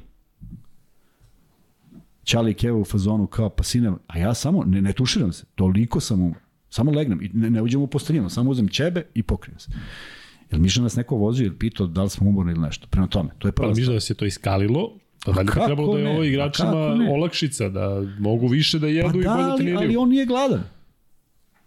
On nije želeo. Dobro biti gladan. a? Pa kako nije dobro biti gladan? Pa što misliš da je, sva, da je bilo ko tamo uspeo? Pa pogledaj gde su, gde su deca uspešnih, ne sportista, uspešnih glumaca. Pa što su svaki drugi ima neki problem? Pa zato što nije bio gladan. Ne treba bukvalno da bude gladan, ali treba da bude željen, treba da bude, treba da bude samostalan. Moj otac pokojni, sine da dođem u utakmicu, ne. Zašto? Pa igramo protiv Užičke republike. Znaš da je bila na škola na Beogradu Užičke Tako republike. je, 62. bloku. Pa što ne dalje. gleda? Pa nemoj da neću da gledaš. I dolazio je samo na Partizan i Zvezdu. Kad su nas drali, drali su nas. Ali valjda me tad gledaš, ne gledaš me tamo kad igram neku utakmicu da dam 30 poena bez veze. Naravno, ne mora svako da sledi moj primer, ali se bojim da su deca prezaštićena. Već sam pričao o tome. Ne igraju napolju. Da se, da se ne povredi. Slušaj, da se ne povredi. Pa kako, neko znao kad sam se skrljao, a krljali smo se svaki bogovetni dan. Neko znao, ja dođem kući i kažem, ne, tata povredio, ne kažeš ništa, uđeš, opereš ako možeš, ako ne, obučeš nešto dugačke pantalone da ne vidi. Tako da ovaj, e, društvo stvara takvu decu. Druga stvar, ovo je postalo jedina komunikacija. Ja mislim da sledeće generacije idu sa dva broja većim palcem. Majke vi rođene, vidjet ćeš, neka, neka evolucija će da se desi i, i moći će možda lakše da uhvate loptu. Ali neće moći, ovaj mali će da im zakrlja, zakržlja, znaš, pa će...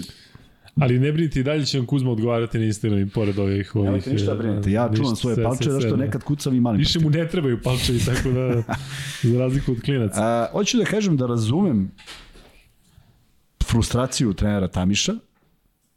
Ne znam šta je, da li je stvarno taj moment ovaj, bio takav, da li je to nekog s kim on sarađuje duže, kraće, manje, da li je svaki put imao takvog, da li imao nekog boljeg, ne znam, ne pratim ovaj, ligu i ne pratim šta radi Tamiš, ali nije to način komunikacije, prosto ja ne volim takav i nije baš tako jednostavno. Ali te, ono što si meni pričao, mislim da si pominjao u podcastu, da si imao trenera koji je rekao, momci, ja ću da izađem i da kažem da sam ja kriv. Ali svi znamo, Svi- da, da. jel ti to, jel po, ima neki paralel između ovoga i toga? Pa, n- n- n- U smislu da, da je, su neke stvari ipak za slačionicu i da, one, da, da, one jesu za slačionicu, ali ti gubiš poverenje istog momenta. tako je, zato i govorim. Ja, ja, dok sam radio sa Mutom Nikolićem, BFC i budućnost.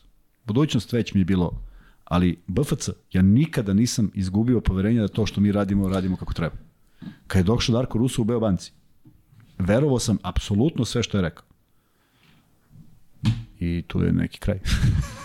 E, dobro, Kuzma, vidi malo što ima na Instagramu, ovde ti javljaju da su ti nešto slali na Instagram, pa evo, baci pogled. Ajde da i šta. vidim. Ja tamo da kažem da e, ja, drago mi što je Kuzma trenirao u Bori. U Bori je bilo nama drago zato što je veliki teren, ogromna sala. Ne znam da li u to je vreme, da li su bile one dugačke mrežice, one baš duge, uđeš kao da nije ušla. A, a to je kraj gde sam ja sad blizu, tako da generalno volim, volim Boru. E, I e, nećemo se više zadržavati na ovoj temi. Kuzma je rekao šta je imao, tako da ćemo preći Evo. na Partizan, osim ako nema još nešto da je stiglo na Instagram. Ne, Ajde. ali evo, mislim, jedan prijatelj, uopšte neću ga imenujem, pojašnjava neke stvari i onda shvatiš da upravo to nije tako crno i belo, nije mnogo ni interesantno. E, Vladan Glavinić ima trenera, ima trenera je naslov. Da, dobro. Pročitajte zato što je vrlo interesantno iz sledećeg razloga. On se obraća Vladi Stankoviću, koji uređuje koš. I suprostavljamo se. I mnogo lepo zvuči. Vlada Stanković je napisao svoj tekst, a Vladan Glavinić je odgovorio na test i izlazi u istom magazinu. Genijalno. Genijalno. Pokazuje da možeš da misliš i ovo i ono. Zato ovaj, uh, sam imao neke poruke, smo imali danas na, na YouTube-u za, za posljednji podcast u kojima ljudi počinju da nisam u pravu. Ja odavno ne moram da budem u pravu, niti ja želim da sam u pravu.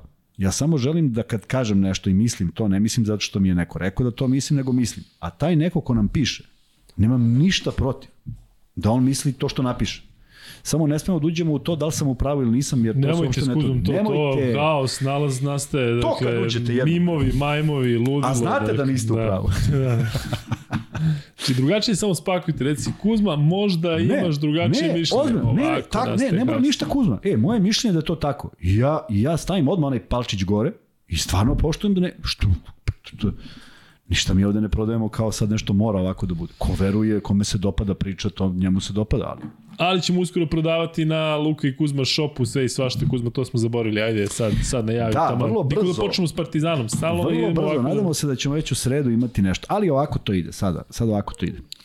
Prvo ćemo dobijemo na Instagramu šta ima u, od proizvoda. E sad, od brzine koliko možemo da ubacimo to na sajt, koji nemamo, a da ga napravimo, Od toga će zavisiti kada će krenuti prodaja. Ali vi, vi ste već videli da je dosta tih proizvoda, one koje niste videli mi ćemo da nosimo, ovaj, a sve će to moći da naručite. Nama fenomenalno zato što je zabavno i zato što ovaj, želimo eto tako da, da, da, da što više ljudi, s obzirom da vas ima mnogo, da na neki način, način mogu da dođu do neke stvari koje zaista mislimo da neće biti skupe, a nama daje onako jednu lepu priču, jer nekako onda, onda se polako prepoznajemo po, po tome ko šta gleda i onako nas ljudi na ulici iz kola, iz, sa prozora dovikuju, tako da je to sve možemo da, da, da ulepšamo još. Biće svega i svačega interesantnog, dakle to su neke stvari koje su bile ovde na stolu i koje su nam već poslali kao poklon iz joga, a sada će moći dakle da se i kupe i ja se nadam već možda od sledećeg podcasta,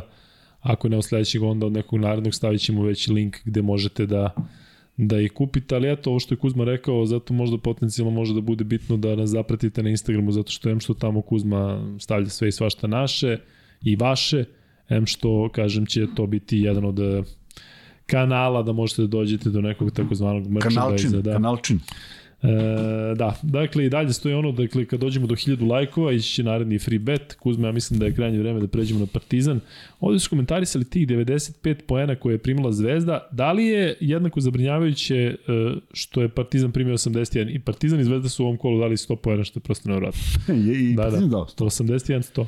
Ti nisi gledao Partizan? Ne, ne, ne, ne, ne, gledao sam ga zato što sam, ovaj, nisam samo zapamtio. Si stavno 98 si rekao. Ja rekao tu ne 97 i po možda.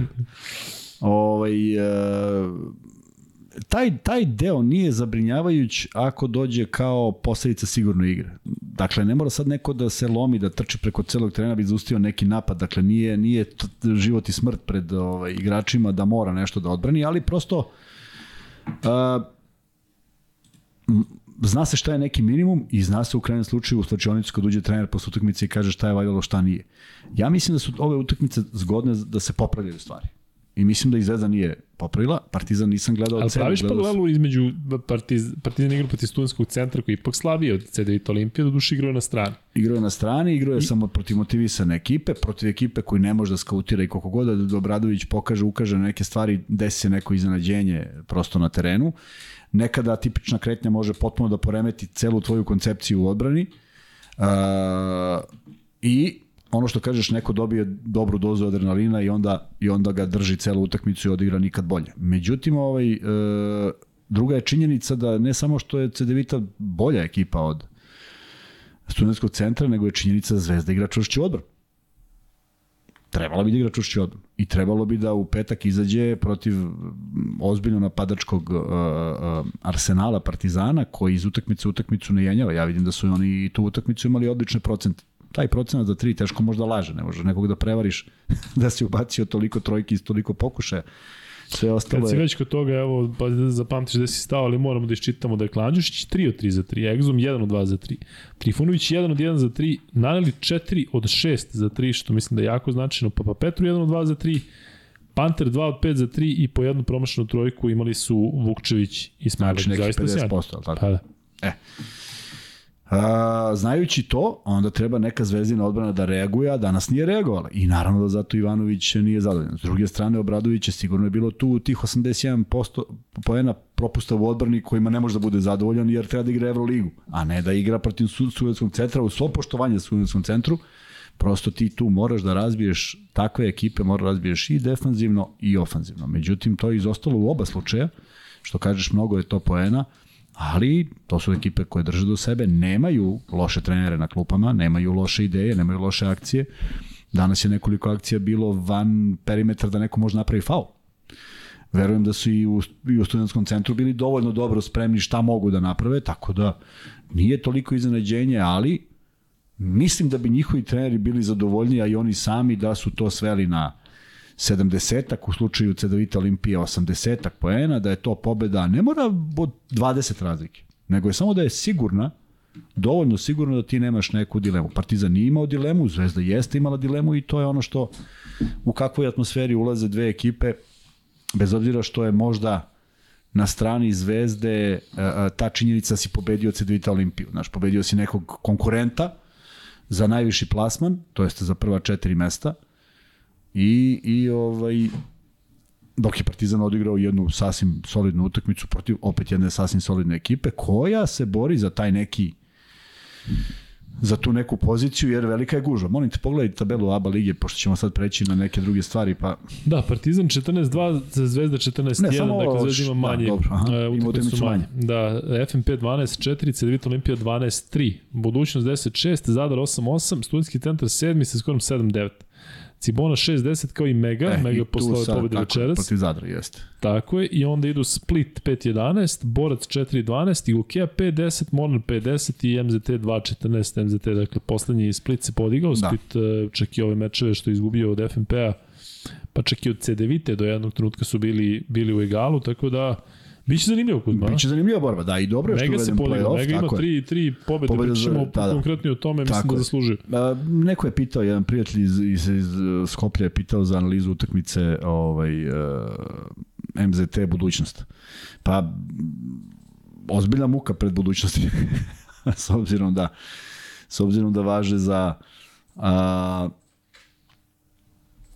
Pa važe za favorita i važe za nekoga ko neće odigrati još jednu sezonu da bi odigrao, ali e, nažalost nisam imao prilike da ja gledam MZT, pratio sam rezultat i video sam da se tu do samog kraja, pa je Green izmislio neku trojku na, na dva razlike za budućnost i to je u stvari omogućilo i pobedu, ali muče se igrači budućnosti, gledali smo ih u jednom vrlo bledom izdanju protiv Zvezde, sve ostalo je manje, manje relevantno, a kažem, mislim da je MZT koji čak i nije toliko loša ekipa koliko su imali neverovatno ovaj težak raspored. I mislim da je on malo odredio smer u kojem idu, da su to bile neke lakše utakmice, da se tekne samopoznanje, da se uigra ekipa i da tu neke stvari poprave, možda bi to izgledalo drugačije, ovako stvarno su posljednji ovaj, daleko, najbliži ima pet poraza, ili ne, četiri poraza.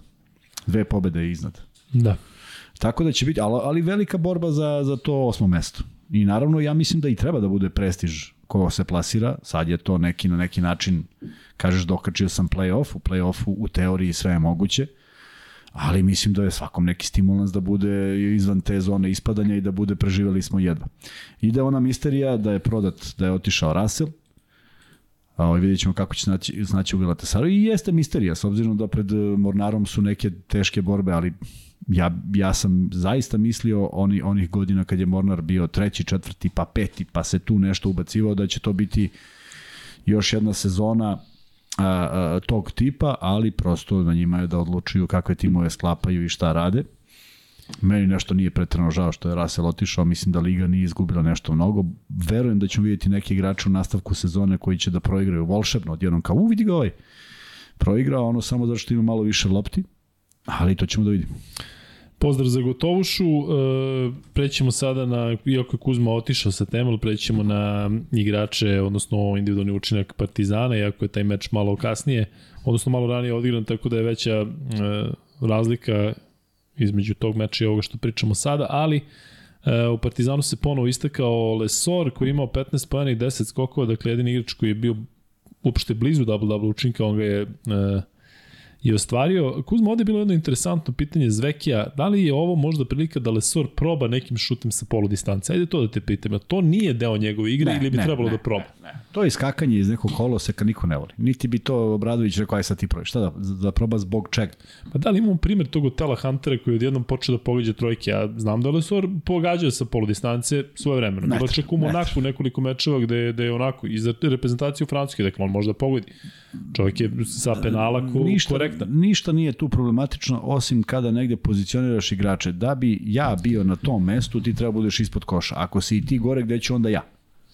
I sad on baš u tom trenutku pomislio da treba šutne neku dugu dvojku. Pritom te koje je šutirao nisu izgledale tako. Možda se odvikao, možda, možda nema samopouzdanja, možda je to jedna u 10 utakmica.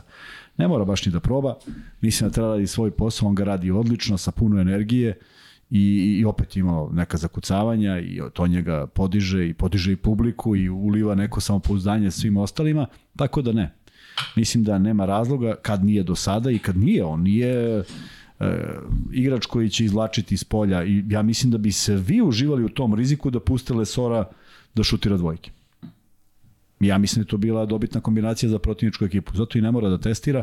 Ja misliš da bi recimo Partizanu to značilo kao još neko oružje, zato što je mene, ne znam šta bi još moglo sad da iznenadi u Partizanu. Rekli da Panter treba recimo više da ide na prodor, zato što mnogo da. forsira za tri, ali da. sad kad bi Partizan dobio možda još nekog igrača... Da, to, to, bi se, to, to se radi, pazi, to su već malo, ne mogu kažem da Lesor nije svestran, ali u tom napadačkom smislu je, zna se da mu je mesto i faktički on se bori za svoje lopte. Mene je čak iznenadilo poslednjih par možda i 3-4 utakmice da on ima više lopti u igri 1 na 1. Obično je to skidao sa koša.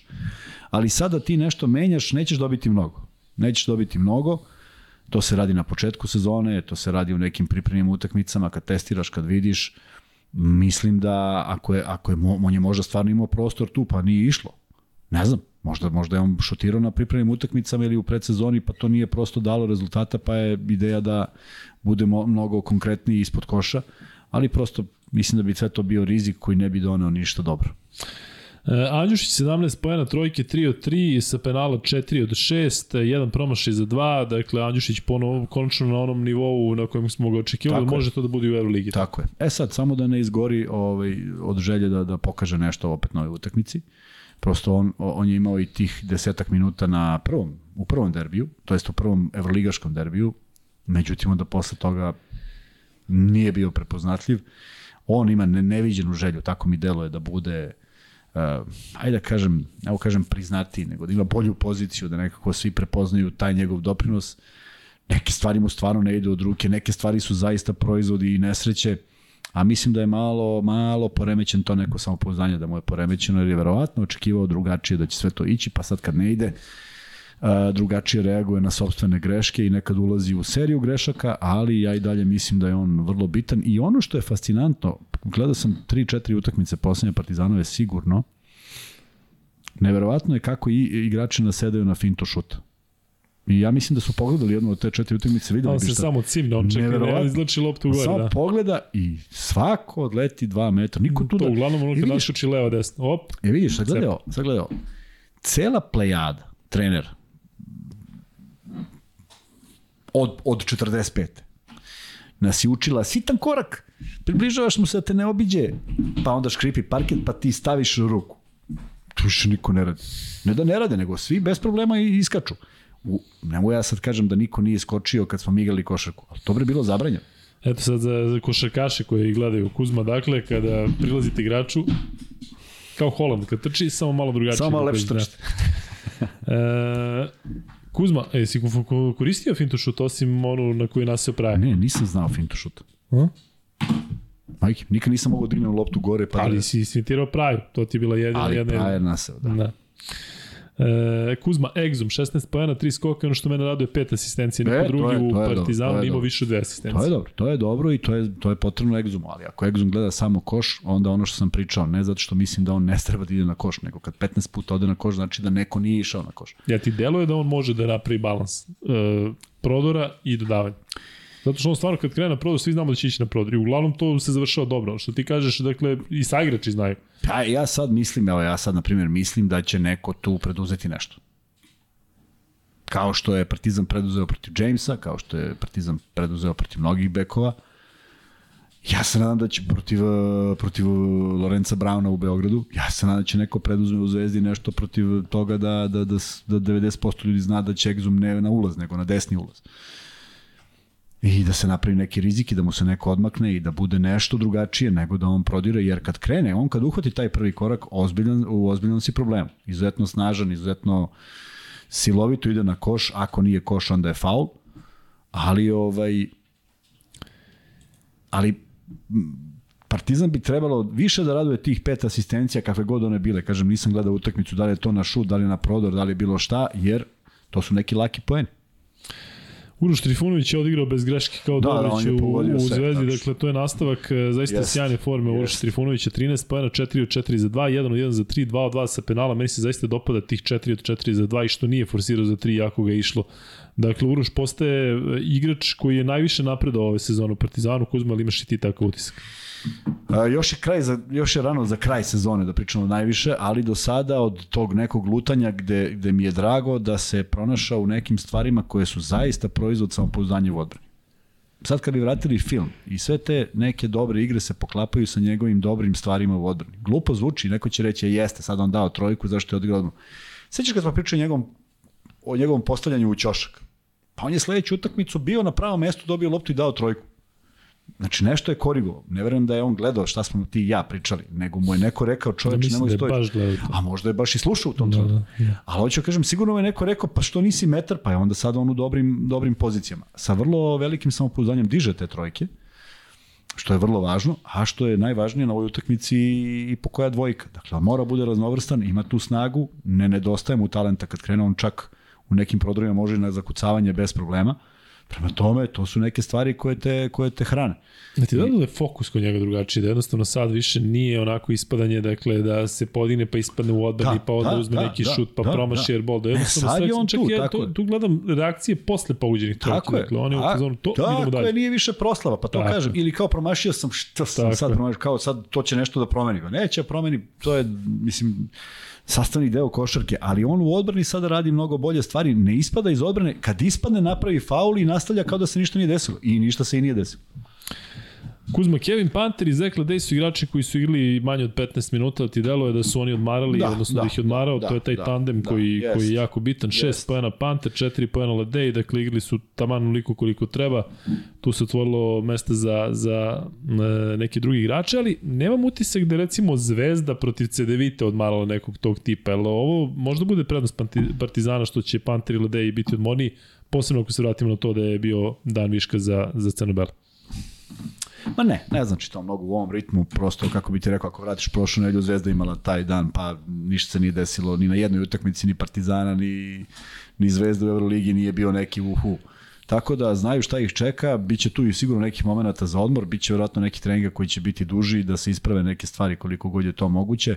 Dovoljno je vremena za spremanje utakmice, ono što je naj, ne najneverovatnije, nego ti znaš da ti je onda za dva dana nova utakmica, tako da čak ni u tom nekom porazu neće biti mesta kao u šta se desilo i zato treba fokus da bude, ali posle toga se nastavlja Euroliga, samo, da ne ukapira, niko ne pomisli da je tu kraj svega, ima još mnogo da se igra i jednostavno uh, mora da bude nekako i moraju igrači da budu svesni da koliko god je ta utakmica važna i koliko god je ona na, nama najvažnija u, u okviru Evrolige, da je to samo jedna utakmica i da ne treba da bude ta em, em, emotivno pražnjenje toliko da ti nisi sposoban da igraš sledeću utakmicu, jer onda je to potpuno pobedili i izgubili, potpuno sve jedno. Dakle, ovo je jedna od utakmica i stvarno bih voleo da do te utakmice pričamo o utakmici, i u četvrtak da pričamo o utakmici i u petak uveče da pričamo o utakmici, o nekim dobrim potezima, o nekim herojima koje će sigurno biti, o, o novoj tabeli na kojoj će se naći Zvezda i Partizan posle te utakmice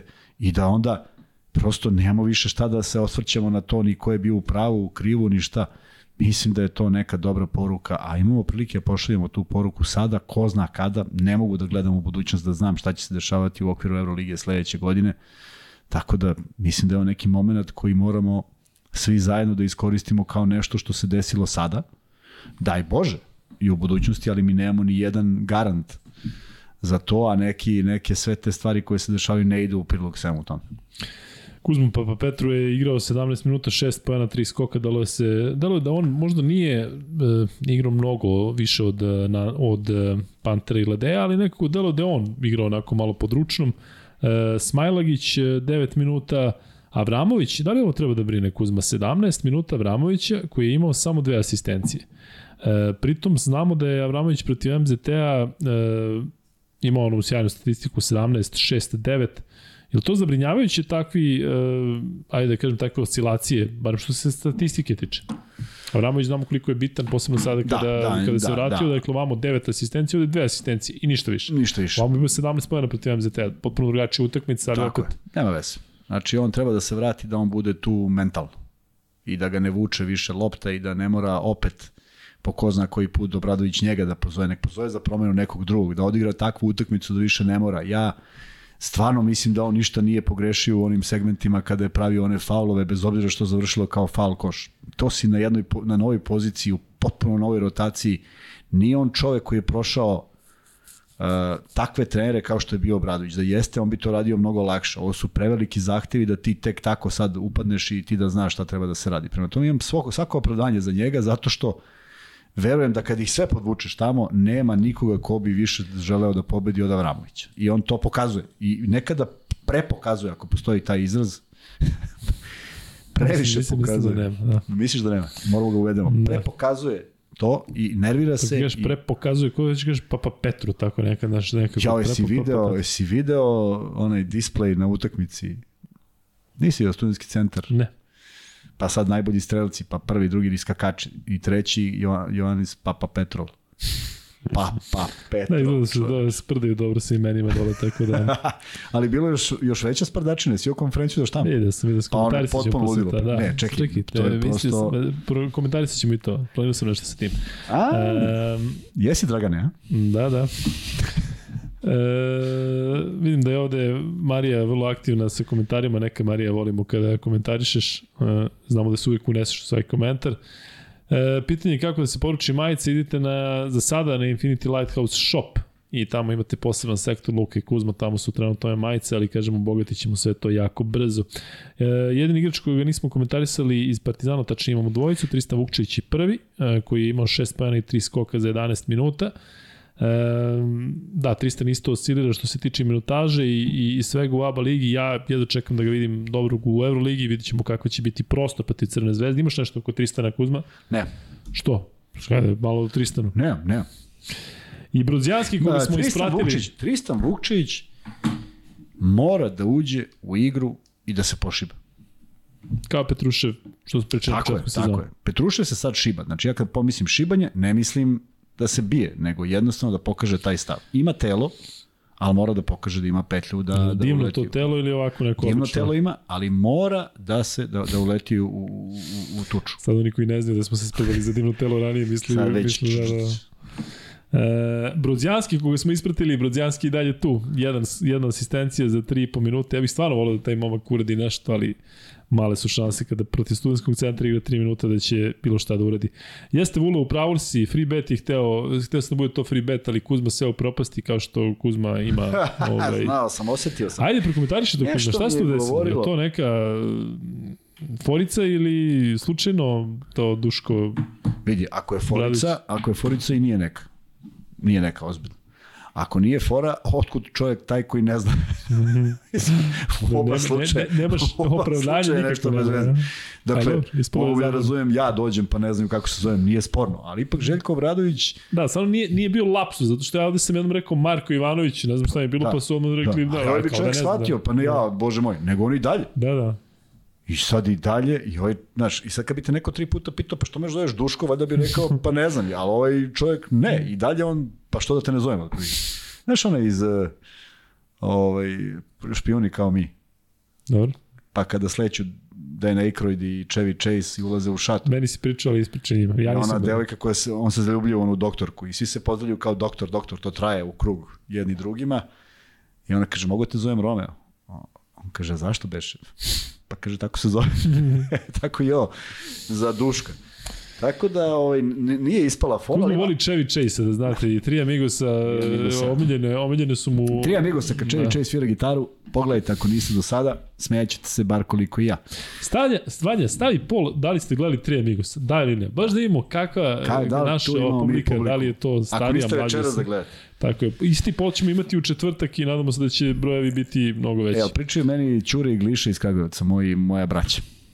Ovaj, moj cimer čuveni Gliša i njegov najbolji drug Ćure. I kaže neki kup u Kragujevcu dok, dok se održava u Kragujevcu i sad tu postoji neki na blagajni, neki čuveni, ja sam zaborio kako ga zovu. Malo ima i veću dioptriju i sve. I on tu sad nema, tu niko duđe bez karte i odjednom Željko kasnije hoće gleda kup. I kasnije utrče i kaže, alo? Ovaj kaže, šta alo? Pa kaže, gde ćeš? Duško, gde ćeš? ne kaže, gde ćeš? Pa kaže, ja sam Željko Obradović. Svi su danas Željko. pa šta je, bile, ili dioptrija bile ili šta? ne znam, možda samo čovjek nije pratio košarku. Ili je preozbiljno shvatio svoj posao. E, ali vidi, Milan Jovanović ti piše da pročitaš tu donaciju i pitanje zato što nije mogao da pošalje preko Paypala pitanje za nas. Pa samo da imamo koje pitanje. Da, možete nas podržiti preko Paypala, to stalno zaboravljamo i uh, lajkujte. Ja do hiljadu, da. Ajde Kuzmo, pozovi da doniraju preko Paypala. Da, ja, tu smo na Paypalu, Patreonu i ovako svim tim čudima. smo završili. Kako ne znamo, ajde ti da pozivamo to. E, nisam zaboravio Milan, nego čekam pravi moment zato što e, sam mislio da završimo sektoru Partizanu, ali generalno A, pitanje je da komentarišemo e, to što je bila mala kvota u kladionicama, na uh, Zvezdu protiv Cedevite i mislim da bi mogli da se nadovežemo na to što je zaista ogromna razlika između Partizana i Zvezde i svih ostalih. Da li je neko zaista mislio da Cedevita možda izgoje i iznenadi Zvezdu u Beogradu, a pritom da stavi parent? Pa naj, najveći optimiste ne znam da li bi. Uh, da, iz, da može iznenadiš, možeš. Mo, mogli su, da li je realno, da li je za očekivanje. Ovakvu zvezdu. Može, napravio si, napravio si baš paralelu između te utakmice i utakmice koju je Zadar odigrao u Beogradu pre koliko ima, tri meseca. I mislim da je to razlika što je pritom Zadar je slabija ekipa, Ali je Zvezda tu utakmicu izgubila, a Zvezda sada igrala protiv jačih protivnika i dobila je. Mislim da je to ta, to što se promenilo dolaskom Duške Ivanovića, naravno došlo i Jeste, jeste, ali mogla da ode, mogla da. da ode u drugom smeru i ne sme da ode u drugom smeru. Ne smeš da dođeš u takvu jednu utakmici koju faktički ti na izgled imaš potpuno sigurno. I ti četiri napada daješ za dva i četiri napada primaš za tri. Pa čekaj čoveče, daj neku drugu, nek ide neko na prodor pa nek ti vrati za dva. Onda je ista razlika. Mora o tome da se misli, jer jedna utakmica će otići u suprotnom pravcu kad se najmanje nada. E, da se zahvalim Draganu Kolundžiću na, na donaciji na Paypalu i da se zahvalim Milanu Jovanoviću na A, ovde, da, ovde ima neko, ne, nešto čekamo do 23. januara, ali hvala svakako. I onda da vidim šta kaže Veljko Maksimović ima neku ideju za poslovnu saradnju, to ćemo kasnije. I imamo novog Patreona, patrona, a u stvari je stari i dobri Dragan Dengarc. Dobro. Već smo bili u komunikaciji, pričali i tako dalje i hvala još jednom. Hvala puno ljudi i svima koji podržavate, zaista nam je drago, evo ima skoro 2000 ljudi u live-u. Još jednom da vas podsjetim da će onaj deo oko NBA biti vrlo interesantan. Vidim da ovde ima na chatu i onih koji su se tek sada uključili pa pitate da prokomentarišemo nešto što smo već komentarisali. Dakle, sada ćemo malo da prođemo ostale mečeve ABA lige. Samo kažem da imam Page poslao nešto, izvini molim te, Ajde. samo dok je vezano za Partizan. Kaže, Trifunović je odlične igre se poklapaju s izjavom Obradovića da su mu promenili način treniranja i čekaju da vide rezultate. Eto. To je znači neka izjava koju smo propustili, a koja onda ima potpuno smisla i vidimo dečka u drugom izdanju. Tako. Šta je to? Ne mora niko ni da zna, neka samo radi. Da, da. E, dakle, imamo, e, da prokomentarišemo sada malo ABA ligu. Ostale I samo još nešto. Šali se Kuzma. Malo Evrokupa, malo Euroligi za četvrtak i onda NBA polovi da pravimo na zajedno e, fantasy ekipu. Dakle, Kuzma, ajde da krenemo od ovog meča koji je Mega dobila protiv Zadra, jako bitna utakmica, treća za redom, Mega postaje onako ozbiljan kandidat za, za play-off, jel ima nešto tu što se konkretno Sad promenilo? ozbiljan, to ne znam, ali kandidat meni, za play-off. Meni definitivno je ozbiljan kandidat. Tri pobede za redom, dakle ja sam ne bih, ne bih se sa tim šalio, iskreno da ti kažem, s obzirom to da su dobili... Ti se sa mnogim stvarima ne šališ. Pazi, ali Ukeo dobiš na strani, dobiš FMP u, u kod kuće. Ja ne znam zašto je Ukeo igra već 68 utakmicu 10 igrača, ali ja nešto propuštam ili šta se dešava? Ne znam. Li ima još nekog?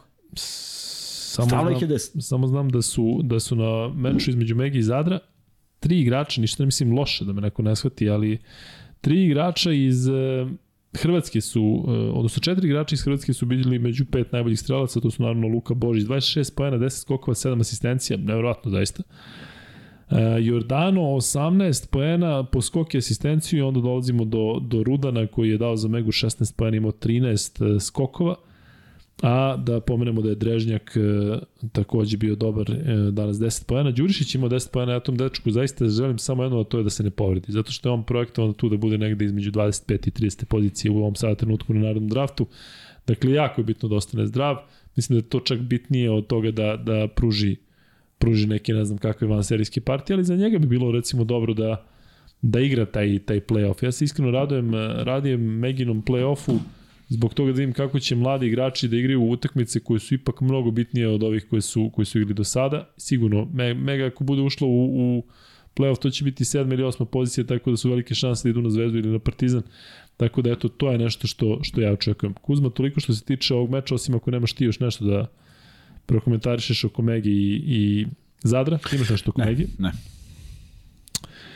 Uh, Split FNP 91-95, to je meč koji je bio u petak koji smo već komentarisali, takođe tada je Monar dobio um, Monar je tada pobedio 83-81 Cibonu, dakle o tim mečevima smo pričali, ono što je Kuzmin glavni utisak to je da je otišao Russell iz Monara, tako da eto Kuzma će pratiti Galatasaraj sada, a mi ćemo Sada pratiti i Monar da vidimo kako sutra, što izgleda. od sutra imam neke ovaj, snimke sa treninga. Da. E, MZT budućnost smo takođe komentarisali, dakle teš, tesna pobeda budućnosti. Tesna. Vidim da ste ovde malo u komentarima govorili o tome kako su neki ti makedonski klubovi gašeni, pa su se raspadali, pa su se neki pojavljivali. Kuzma, ti u tvoje vreme u Rabotnički je bio... Nema, nažalost, moje vreme se brzo završilo, zato što je 90. 91. posljednja sezona koju smo igrali zajedno. Da, i nisi ništa više s Ali, makedoncima. ali, pričao. ali uh, uh, m, jednu godinu, 90. 91. je tamo igrao Peđa Bogosavlja. I Davidkov i ekipa ozbiljnih kad igrača. si pričao. I to je plasman, i to je plasman, da, to je njihov plasman u prvu saveznu ligu, ali mislim da već od, ta, od, od sledeće godine nema savezne ligi. Jer mi sezonu 91, 92, da, igramo sa Bosancima. Postoji još Čelik valjda i postoji još tu par ekipa i to je to. Kuzma, dolazimo do meča uh, Borac i Gokeja. Uh, Borac je dobio titulu 70-65. Volio bih da malo više pričamo o tom meču. Prvo, s jedne strane imamo Gagića koji je nedavno došao u ekipu, imao Imao 12 neki pojena i učinak, 8 tako? asistencija. Da. da, dakle, jel misliš da je Gagić Uh, jel ti iznenadilo kad si čuo da je Gagić došao u Borac? Ipak je on igrao ozbiljno u Evrokupu prošle godine, Pa a jeste, sada je odlučio ali- se vrati u domaći Pa tim. ne znam, ne znam da li imao ponuda, ne znamo koje su Bio u ponude Francuskoj, bile. tamo nešto nije funkcionisalo. Pa i- ne, to kažem, nešto nije funkcionalno, Da. da. da li je ovo samo usputna stanica, svakako mnogo znači borcu. Jedan iskusan igrač koji na tom nivou donese jednu sigurnost u reketu. Ja mislim da je on imao mnogo nekih tu pehova i nerazumevanja sve oko njega. Nije on toliko loš igrač. Bilo je to u kombinaciji sa nekim povredama. Nešto, dakle, nešto malo, malo, pa je jest. tu nešto. A ja mislim da on nije, nije uopšte loš igrač. Nekad, nekad mislim da ga povuče više želja nego iskustvo, jer kao da nikada nije steko to nešto, a, a mislim da ga je mnogo bolelo te neke stvari oko njegovog odlaska iz zemlje. Šta god da se šalo, već sam zaboravio, ali znam da mu da nešto nije bilo u redu i da neko vreme nije ništa, ni, ni, ni nikakve izjave davao i ništa, međutim, na primjer, prošle godine u Let Sve se Capelli su, poklopilo, da. sve je to lepo izgledalo.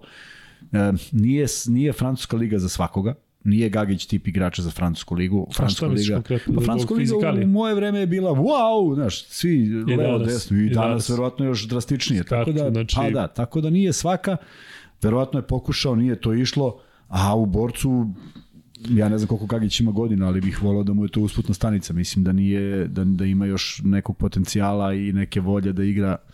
Ne bi trebalo da ima više od 31-2, a? Đorđe Gagić je 90. godište. Tako da nije baš 33. Pa mislim. Pa dobro, još dve godine tamo da. centri malo kasnije to završavaju. E, volio bih da pričam i o Gagiju Milosavljeviću koji za Gokeo igra mnogo bolje nego za Megu. Je li ima neko objašnjenje zašto je to tako? On je imao 14 pojena, 6 asistencija, 3 skoka, ali je vid- vidljivo to da jednostavno je on ovde pronašao pravu sredinu. Pa ne znam, to sad znaš, zavisi od ideje šta se, šta se radi. Ti si pričao malo češ o Đurišiću i ako Đurišić treba da bude neko ko je vođa ekipe, možda je to zasluženo, možda ne, to je stvar unutrašnje organizacije, a možda Gagić, možda Gagi nije u tome se video. Mm, Vrlo brzo je otišao u suštini, nisam očekivao ni da će otići. Moguće da izgubiti takvog igrača, odreći se takvog igrača ili šta god da je pos, ovaj, posredi, da ode u konkurentski tim, nekako mi je sve čudno, ali ako pričamo iz, ugla, iz njegovog ugla, drago mi je što je na svojim nekim boljim brojevima, Uh, nažalost nije pobedio u toj utakmici, ali ovaj, verujem da se osjeća bolje i da će Vlada Jovanović eto s njim napraviti neki neki ovaj kvalitetniju neku saradnju u nastavku. Igo Kea je koja? Igo šest, Kea je trenutno sedma, koliko Sedma, sam ja sad. malo pre video, ali možda grešim. Igo Kea je, ne, Igo Kea je 12. 12. pali su Da, sa pet da, pobjeda. da, tako? da, da. Nisu Igo Kea je Oni pet poraza za redom. E, to, tako je. pet poraza za redom. Tako da postoji još šansa da se vrate. Bajić je u ostalom zato i otišao, pošto pobjeda nije bilo. Da li će se vratiti, vidjet ćemo, možda. Vratit će se sigurno u nekom trenutku. Pa dobro. Da. Mislim da rekao ne ide Gukija bez Bajića, to je jedan od onih trenera koji se uvek vraća. Moguće, ali da vidimo, Vlado Jovanović dolazi sa jednom velikom željom da neke stvari dokaže, pokaže, pa da vidimo kako će izgledati. E, jel misliš, kako ti to izgleda, recimo, taj dolazak Jovanović? Čovjek na tržištu, slobodan, dobar trener. Pa ajde ga sad, hvali si ga, hvalio. Pa hvalim ga, da, mislim da ja samo mene samo Čovjek čudi. tržištu. Pa da. Pa imaš ih još 60 na tržištu. Pa dobro, ipak je on neko ko je radio i, i radio u Zvezdi. Znaš, nije, i to mu je neka težina. A s druge strane ima samo 10 igrača. Ja ne znam, znaš, ako, ako se to ne promeni, prosto mi nije jasno o čemu se radi, kažem, nisam pratio gde su nestali umeđu vremenu ostali, da li su povređeni, pa čak i ako su povređeni, da možda povučeš nekoga ili već nešto da smisliš. A da ne bude 10, mnogo je mala rotacija. Tako da vidim da je Tanasković odigrao dobro, nije dobro odigrao Đorđević, nije dobro odigrao, nije odigrao na nekom svom nivou i u stvari meni je drago što su ti momci ovaj, tu u centru pažnje, radi se o dva izuzetno talentovani igrači, mislim da Gagi Milosavljević može da im pomogne i da u malo, malo promene taj neki ritam i da, da se stvarno vrate na neki put pobeda. Ne znam kakav im je raspored, ali nekako sam ih uvijek doživljavao u tih 5-6 ekipa i uvek prave Jeste, problem, da, uvek nekom prave problem. U krajnjem da. slučaju prošle godine, ako se dobro sećam, ta prva utakmica potpuno su nadigrali zvezdu i demontirali je u, u, u nekom drugom, trećem kolu. Tako da, da UK je tradicionalno pravila problema. A Jošilo, Jošilo nije znao promaši. jedan bio i UK je pobedi zvezdu. Jošilo nije znao promaši jednu sezonu. Mislim da je yes. u 70% za 3 ove godine. Nije to isto, ali E, ništa drugari, preći ćemo sad dok čekamo taj hiljaditi like, da li ćemo dočekati uopšte pitanje, e, ali e, bit će u vezi Partizana, bit će u svakom slučaju uskoro. I e, Evrokup se igra sutra, dakle počinje Evrokup naravno kao i obično utorkom, e, sutra tri utakmice na programu Hapol, Turk Telekom, Venecija, Kluž i London, e, Gran Canaria. Ovaj duel između Hapola i Turk Telekoma mi mogu da bude vrlo interesantan, posebno zato što je to atipična atmosfera za Evrokup, dakle gori ona hala Šlomo Group Arena. I onda u sredu mnogo više mečeva, igraju i timovi iz regiona, CDVita, kao što smo rekli na početku, gostuje Juventudu, dok budućnost gostuje Prometeasu. Bursa igra protiv Prometea, stastaju ste još Letkabelis Burg, Paris Trento, Šljonsk Hamburg i Brešaul. Tako da su to mečevi Evrokupa. Kuzma, dakle, želimo e, naravno CDViti i budućnosti da igraju u play-offu, tako to je nešto što, što je nama bitno za, za region. S tim da CDVita trenutno ima skor 2-9 u ovoj grupi A i e, ispred njih su Letkabelis i Kluž koji imaju 4-7, tako da će CDViti biti jako teško, posebno zato što ni raspored nije lak. Eto, kažem, počinje iz Badalone sa samo jednim danom pauze između ovog meča koji je igran večeras protiv Zvezde. A što se tiče budućnosti, budućnost u nešto bolje pozicije nakon ove dve pobede protiv Šnjonska i Hamburga, posebno on protiv Hamburga, onih 30 razlike na strani je bilo sjajno. Budućnost trenutno ima 7-4, kao HPL i Pariz, a ispred njih su Turk Telekom sa 8-3 Gran Canaria koja je prva sa 9-2. Kuzma, budućnosti Cedevita, dakle u Evrokupu što se tiče ovog kola, Ja sad razmišljam, pa tebi se ne vidi stomak kao meni jer imaš laptop ispred sebe. Pa dobro, to, to, to smo znali od prvog Ne, podcasta. sad gledam i sad razmišljam zašto ja stalno moram da uvlačim stomak, a tebi vidi kako se zavalio. Ali vidiš što je dobro, meni se samo vidi luka, dakle, a da, vidiš, a i to, je, to sam ti već rekao, nema, nema Kuzma, ti sad, si... sad ljudi misle da su pločice, Da. kako bolje izgleda I misle se podcast zove, i misle se podcast zove Luka. Pa nego šta. A kaže ovaj dodao sebi nešto ovde. A to si tek sad shvatio, a? Sad sam shvatio. Ne vidite se stomak. Evo, pa što ne uzmeš laptop? Ne, nego ajde vidimo kad držiš Vanja, daj drugi laptop. Da vidimo kad držiš telefon. Kako to izgleda? Da li ti je sakriven? Evo, e, tako evo, držiš. Da, da, da. Evo, vidi ga. E, to. I stavi, da sporedi ove ultra i to. Šta si mi pitao, za budućnost i za... Za CDVita u Evrokupu. CDVita ne znam da li će uopšte doći do play-offa. Ali to protiv Juventusa zaista delo da je teško, pa, dobljivo. Pa naravno. A budućnost ima šanse, ali znaš šta se desilo od budućnosti prošle godine? Bili su na istoj poziciji i bili viđeni kao domaćini Jeste. i sve su upropastili u poslednjih 4-5 godina. duše, prošle godine su oni bili prvi dugo.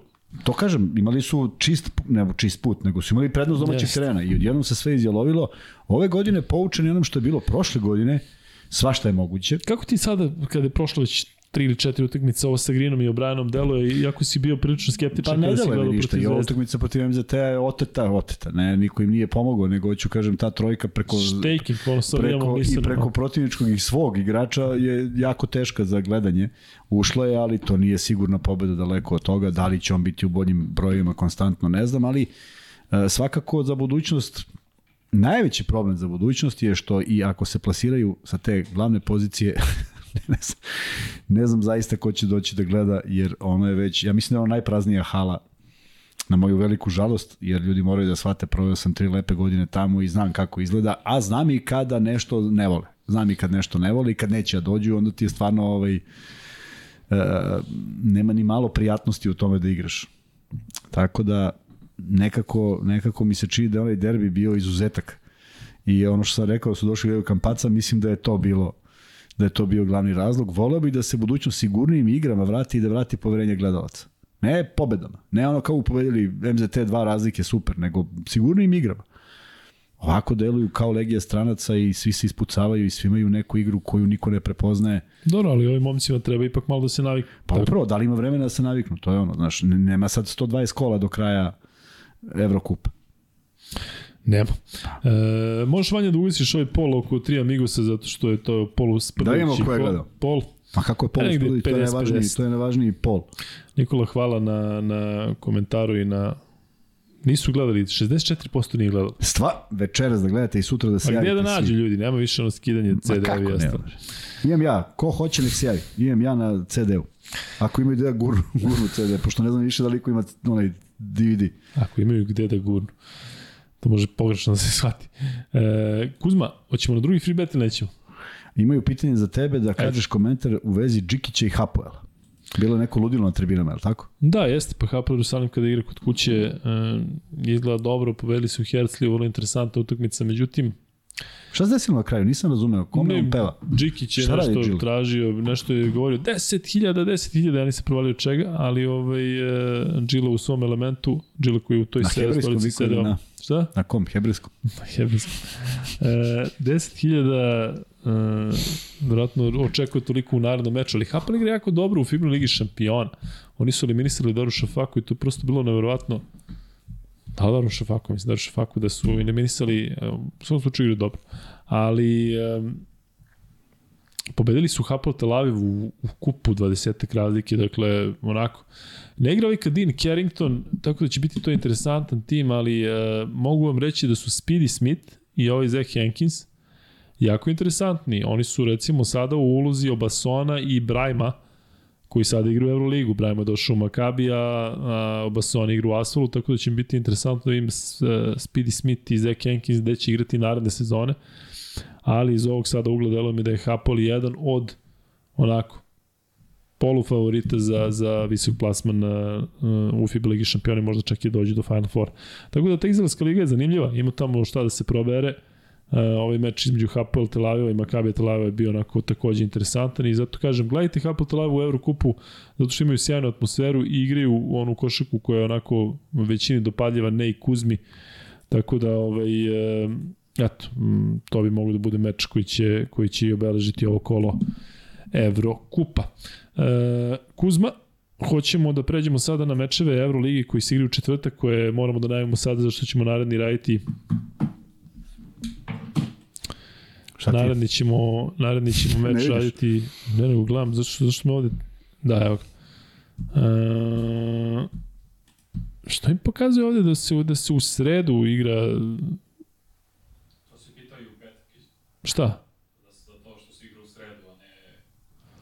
Pa da, ovde pokazuje kao na flash skoru da, da, da nema Euroligi u petak, nego ima kao u četvrtak, ne, nešto su pobrkali. E, Kuzma, u četvrtak mečevi Euroligi su sledeći. Ajde. Možemo pojedinačno. Real Barcelona, Kec. da krenemo od toga. Real Barca, šta očekujemo Kuzma? A, utakmica više od utakmice, baš kao i Zvezda Partizan, prestiž. Da li je a, zaista tako što se tiče košarke?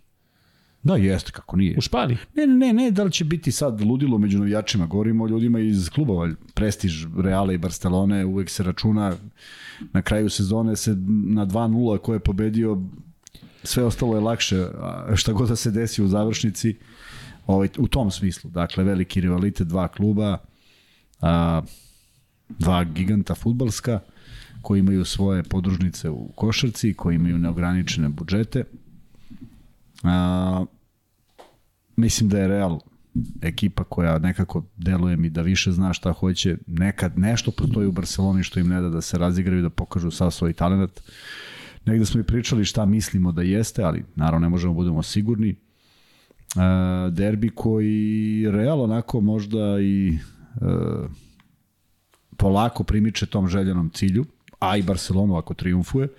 Zato mislim da Real neće propustiti tu, tu priliku i oni su mi blagi favoriti, ja igra u Madridu i Uh, nekako mi lepše mi deluje čitava ta priča oko Reala sa Ćus Mateom, sa nekom, nekim, nekim osmesima na terenu, sa nekom dobrom energijom koncipirani kako su koncipirani sa tri najiskusnija imaju, koliko imaju, 115 godina njih trojica, ali tu su deo porodice, daju svoj doprinos kako treba, koliko god treba, ako treba na glavu neko da skoči, skoči, tako da deluju onako stvarno dobro i, i povrh toga bio sam zaista impresioniran tom utakmicom u Beogradu u smislu neke neke snage koje su imali. Jeste, sledeći dan su dali 60 poena, što je neverovatno, ali ovaj, i oni imaju loše dane, međutim mislim da su ponovo viđeni ovaj, na Final Four. E, ja, mislim, ti mečevi između Reala i Barcelona igraju se jako često, dakle, oni imaju i domaće prvenstvo, pa, i kup jest, kralja i uglavnom igraju u play-offu. Pet komada. Koliko hoćeš. Pet, Ali pet meni je uvijek interesantno kada su Real i Barcelona, kada govorimo o ovoj sezoni, kada igraju zato što imamo dva igrača iz ovog regiona. Jedan se zove Nikola Mirotić, koji znate šta je ostavio, kakav je trag ostavio u Realu pre nego što je otišao u NBA ligu. I uvek mi je zanimljivo da ga gledam protiv Reala. A sa druge strane, Mario Hezonja, znate da je dete Barcelona u smislu da su ga doveli prilično rano i da je, su od njega očekivali mnogo i on je očekivao mnogo, otišao u NBA, imao tamo takvu karijeru kakvu imao, možda preslabu za, za broj na draftu na kojem je bio, odnosno za pik koji je bio, tako da će mi biti interesantno, mada Hezonja igra slabije ove sezone.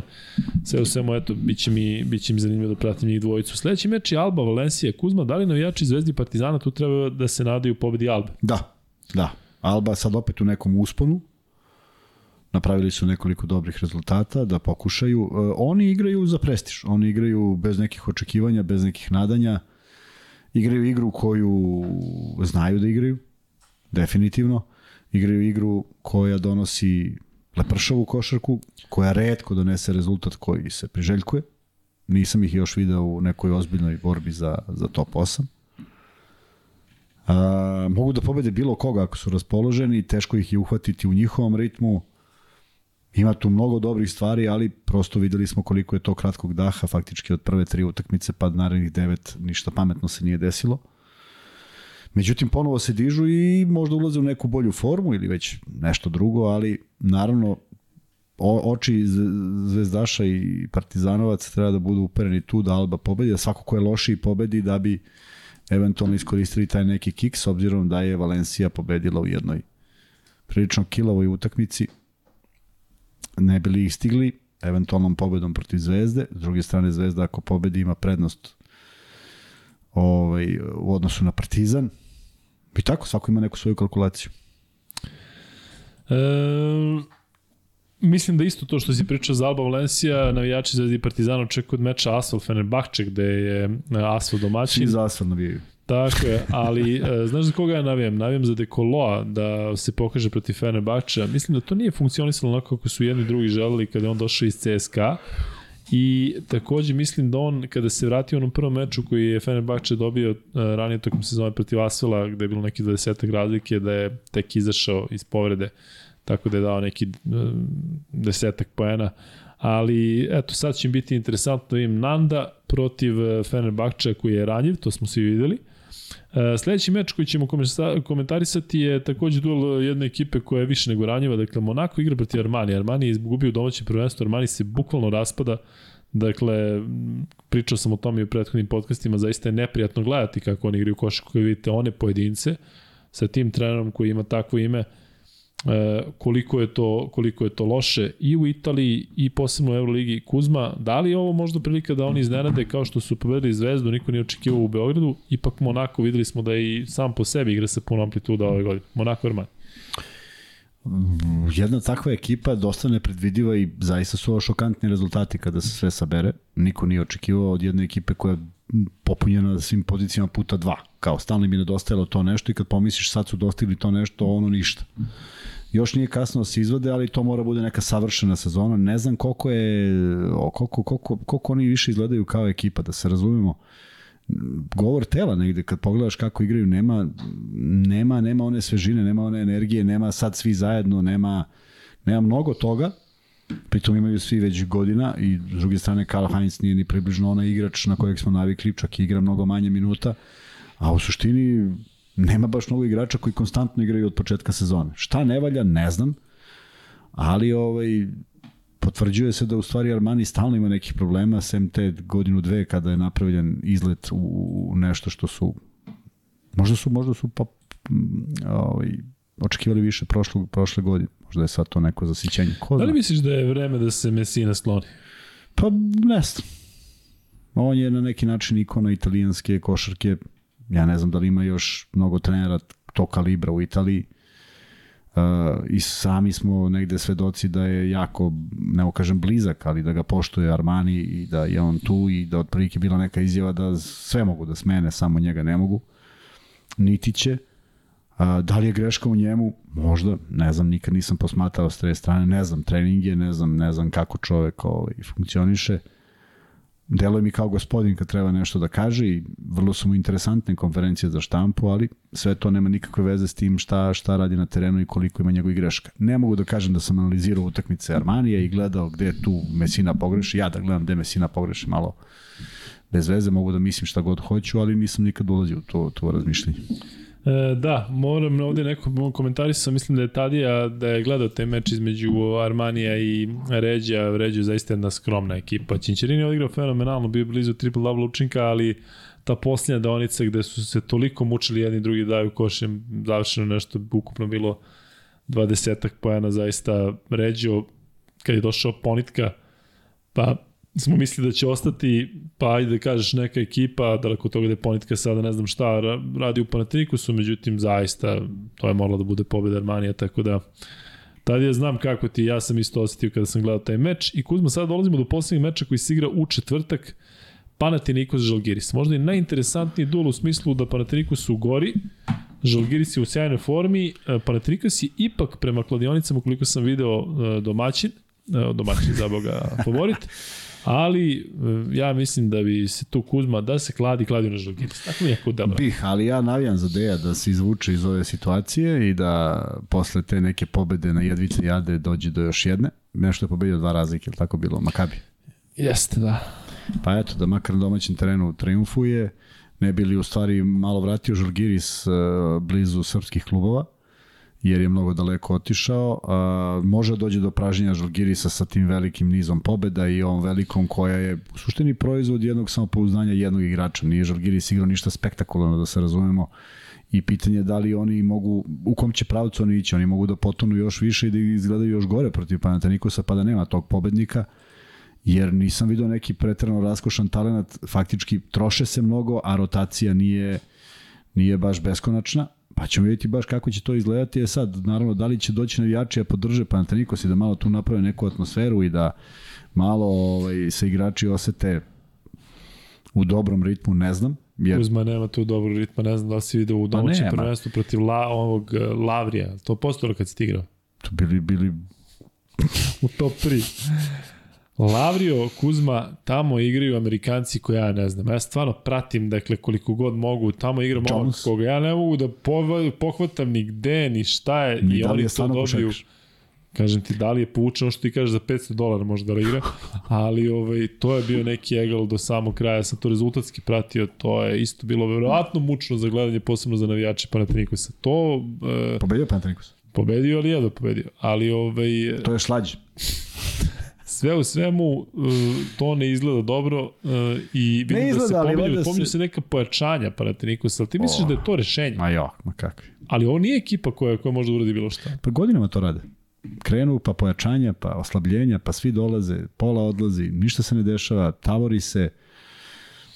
Ja mislim da to, ako je trebalo bude ta neka prekretnica u svemu ovome i animiranje navijača, to je trebalo bude daleko, daleko, ne zvučniji sastav, ne kao doveli smo ta imena, nego jedan kompaktniji sastav. S druge strane, Wolters nije igrao, a njega je e, Radonjić povukao ipak sa sobom, iz nekog razloga, nije došao bez veze. Tako da je svašta nešto išlo nizbrdo, a najnizbrdije je što su otvorili sezonu kako su otvorili. Kaže, Luka, uvedite izbor za kantu nedelje. da, dobro. E, Ima jedno pitanje ovde za tebe. E, Hvala Ivanu Ivanoviću na donaciji. E, Danas Ivanović i doniraju maksimalno. Šta kažeš, Kuzma? Evo, pitanje za tebe. Pa ima i ovde, nego ja ne čitam iz poštovanja prema tebi, znači ovde samo mene pitaju, znači. Samo tebe. Mene, samo mene pitaju, Ne, mene, mene pozdravljaju. Ma niko, znači niko ono kad kažu podcast s Lukom i šta je. Evo Nikola Jevtić. Evo ti, po, pročitaj ovo posljednje. jel da čitam naglas i ovako? Ko, ko hoćeš? On je rekao da pitam tebe.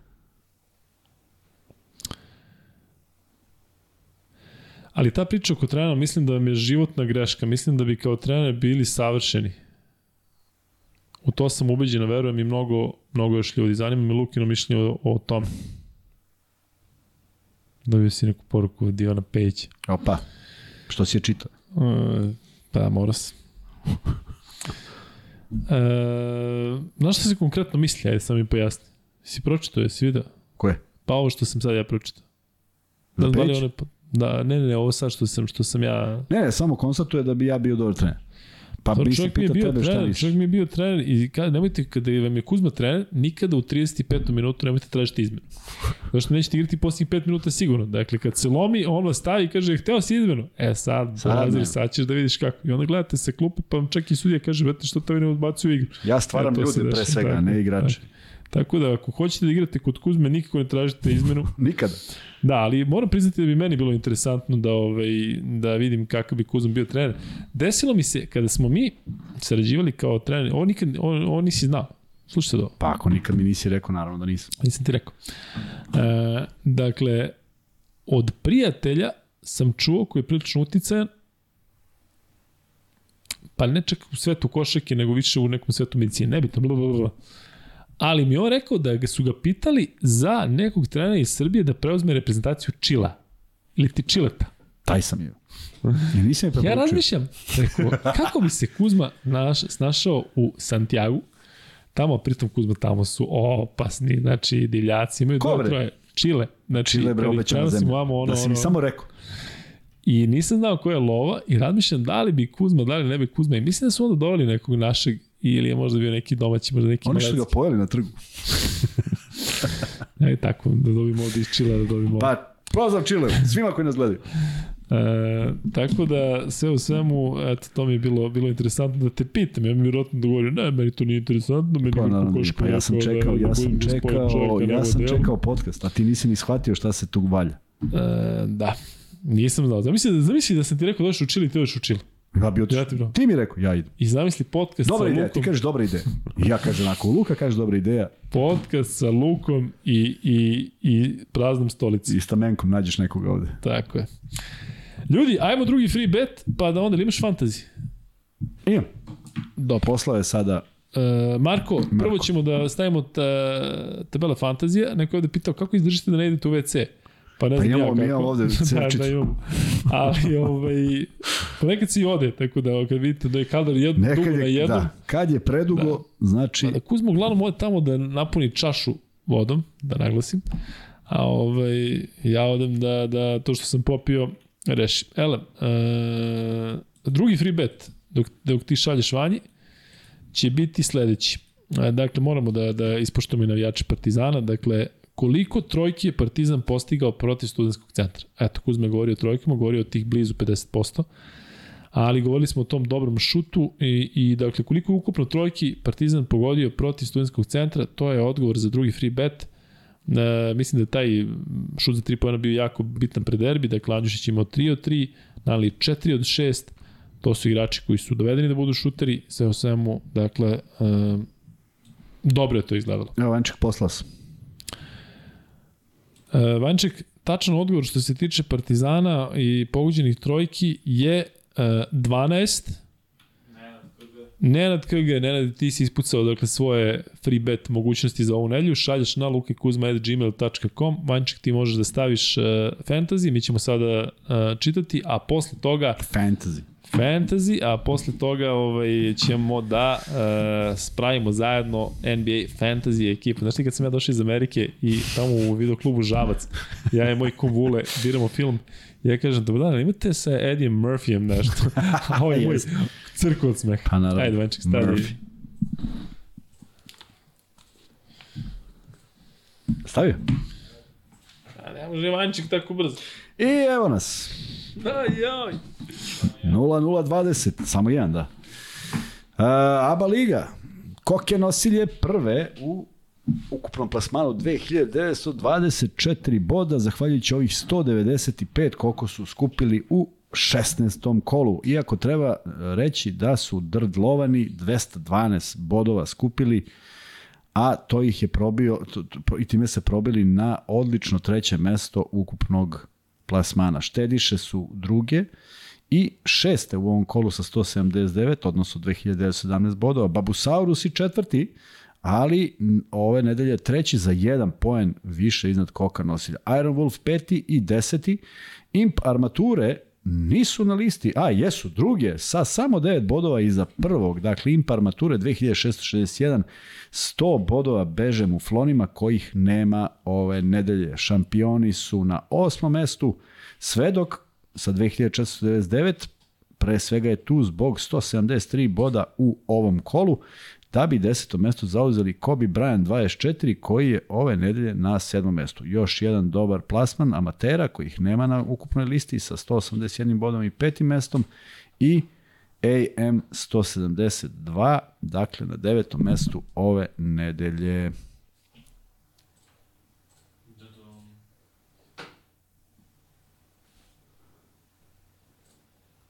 E, Vanja kažu da je tačan odgovor za free bread 13 trojki.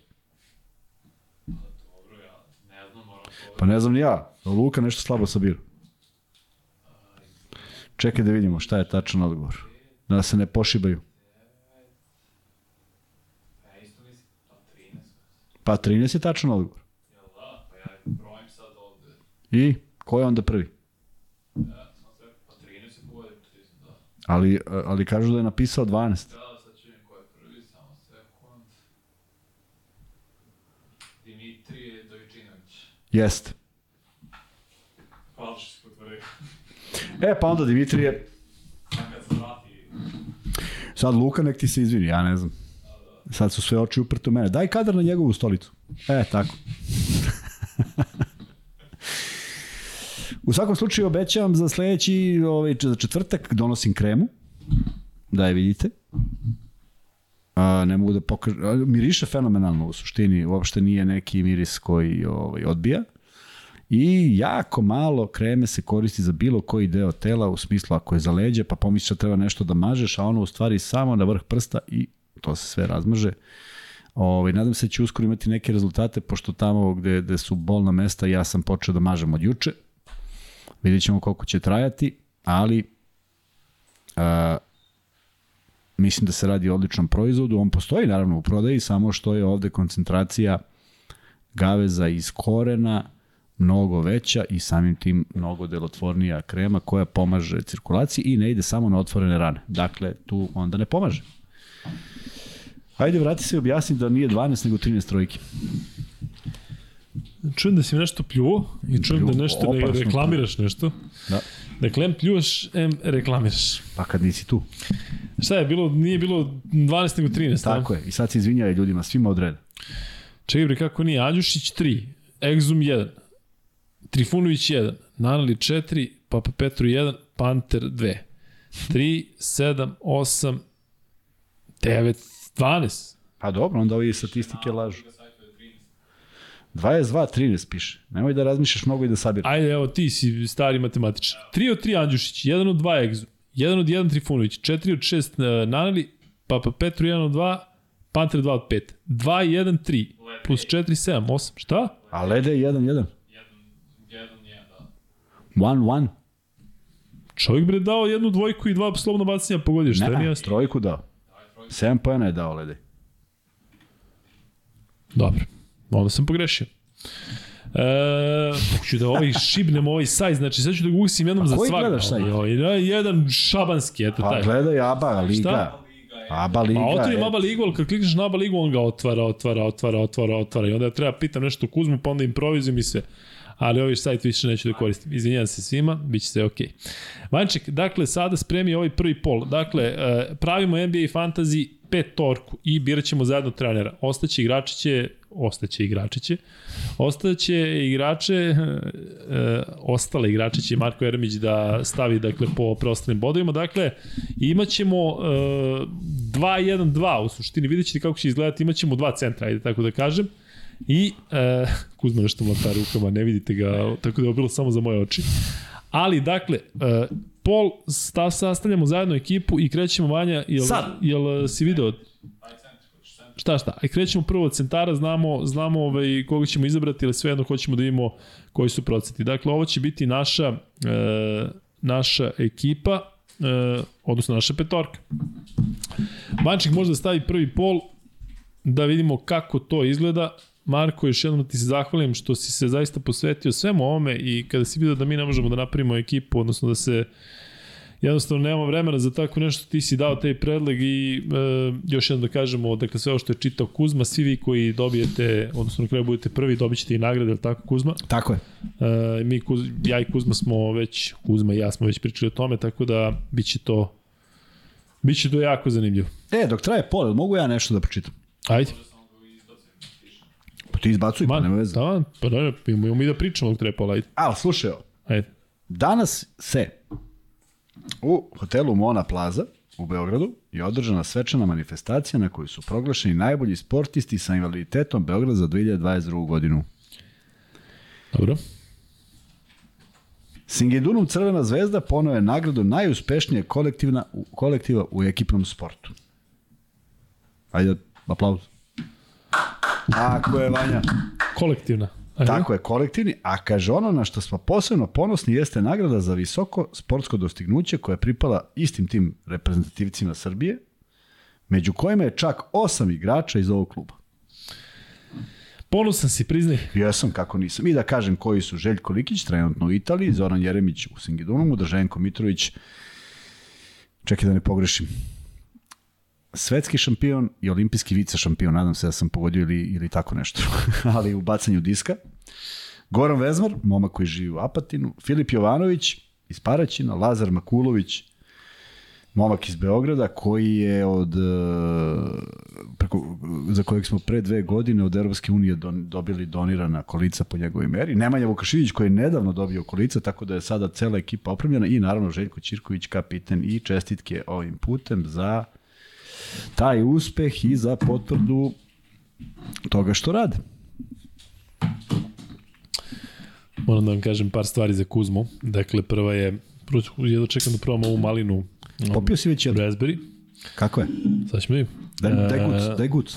Hoćeš, hoćeš iz, iz konzerve ili iz, iz šori? Pa ja sam mislio iz konzerve guc. fore. Da li neko govori još guc, a?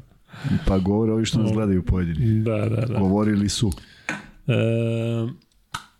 Kuzma je sa velikim entuzijazmom uvijek pričao o, o priča i dalje o košaci u kolicima, ali moram reći da je, ja i Kuzma se non stop dopisujemo i on meni šalje stalno i parametre i sprdamo se i zezamo se, ali posebnu onako emociju kod njega sam video kada je uplaćivao one momke, onaj novac za, za Uroša Dakle, mislim da mu je to onako najdrže, najdrže palo. Stavi ga da vidi, da, da, stavi kada da mi ja da pričam, ja da pričam. Evo vidi ga, da. Dakle, on je toliko onako meni, onako ja im jutru, e, uplatit ćemo da 7000, ali s obzirom da sada, da, da, da, da, da, da, da. To mu je toliko bilo drago i hvala vam što ste, ovaj, što ste podržali to mnogo, mnogo uh, nam znači. Šta si stavio, Vanček, nešto Rudi Gober daje? Se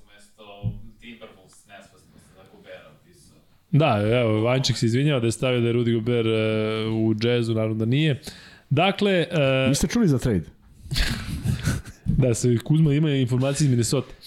E, kog centra biramo za naš fantasy tim? Kuzma slušaj, Nikola Jokić, Denver Nuggets, Jusuf Nurkić, e, Portland Trail Blazers, Nikola Vučević, Chicago Bulls i Rudy Gobert, e, Utah Jazz, ali malo Morgan, Minnesota Timberwolves. Kuzma, ti glasaš za našeg bivšeg gosta našeg bivšeg gosta Nikola Vučevića ili za našeg budućeg gosta Nikola Jokića. Glasamo za Jokića, ipak je, ipak je MVP i valjda možemo da skupimo neke poene.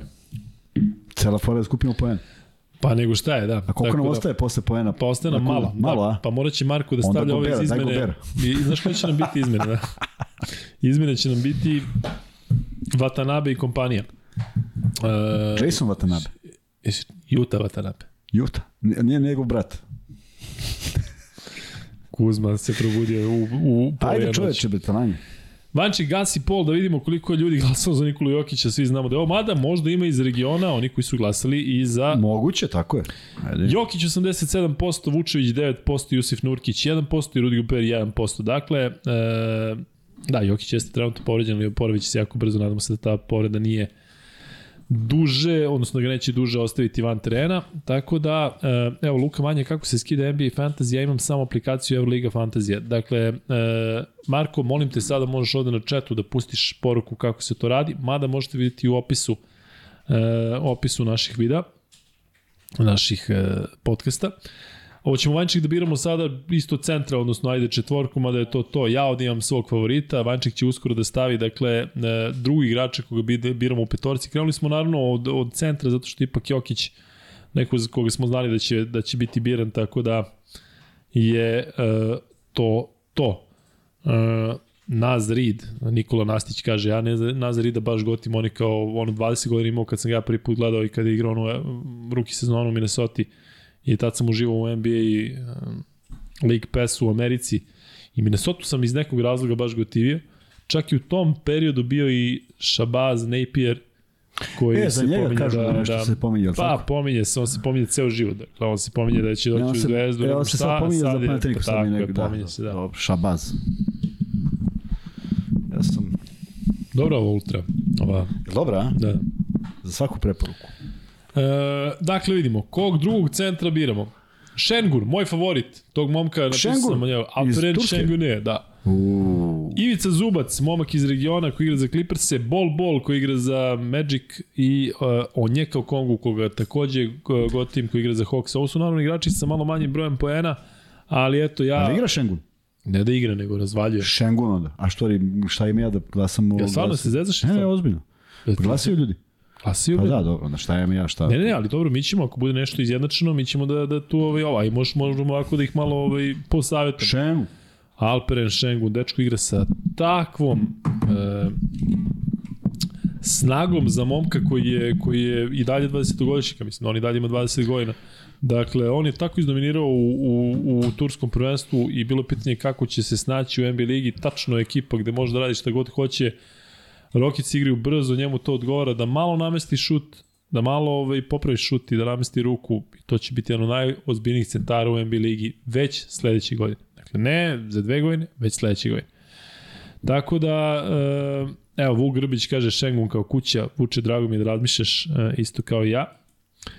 E, Zubac je fenomenalan igrač i Zubac igra jako, jako dobro. E, bol Bol je eksplodirao, o Kongu je neko koji je bio 8 ili 10 pik 2020. da. Ovaj, Iako sećate, on je igrao za Chino Hills sa ovim malim Lamelo Bolom, tako zme?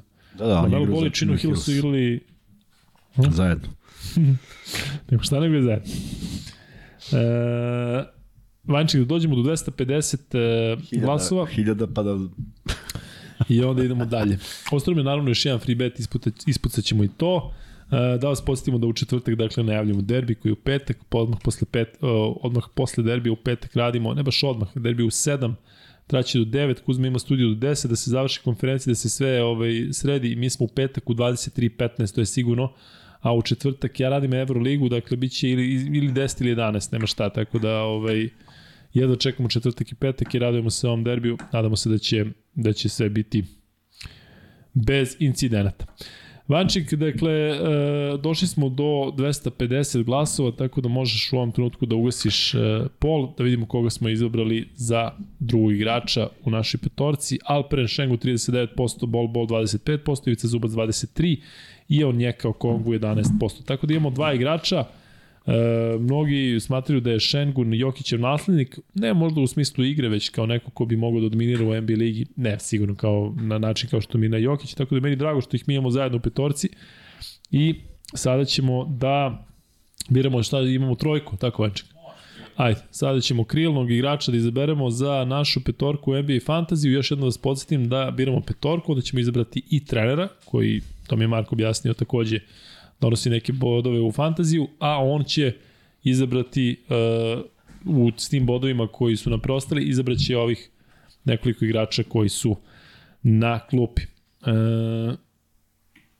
evo ga, već ovde e, Žirko Hrastić predlaže nekoga, ovo će mi biti jako interesantno da im koga ćete izabrati. Znam da je Kuzmi ovo jako dosadno kada biramo. Ne, ne, samo pričaj, ba- baš ovaj. Ne, ne, pa sad ovo na trojici ćemo da vidimo. Tu već imam. Komentar na trade Hačimure, bit će vrlo... Da li je moj Edwards? Nije, a? Previše skup. Previše skup. Skup, skup. Pazi ovo. Uzmemo Jokić umesto njega, ne budu verujem. Koje krilnog igrača biramo? Kuzma! Washington Wizardsi. Kajl, a? Kaj? Pa koga ćemo drugo nego Kuzmu? Kako igra Kuzma? E, Vanček, jesi siguran da je ovo Bojan ili Bogdan? Pa da, ali nije Bogdan, Bogdanović iz Hawksa, nego je Bogdanović e, iz. Stavili Bogdana. Nam je na dvojici. Jel možda izmeriš ovaj da skini ovo, pa da ćemo iz početka? A? Vanja mora da skine zato što ovo nije Bogdanović e, Bogdan, nego je Bogdanović Bojan. Da, Bogdanović je... Ako se neko uključio kasnije. Tako da ovo što ste sada, što smo izabrali Bogdanovića Bogdana, to je zato što je Vanček pogrešio pa je stavio Hokse. Um,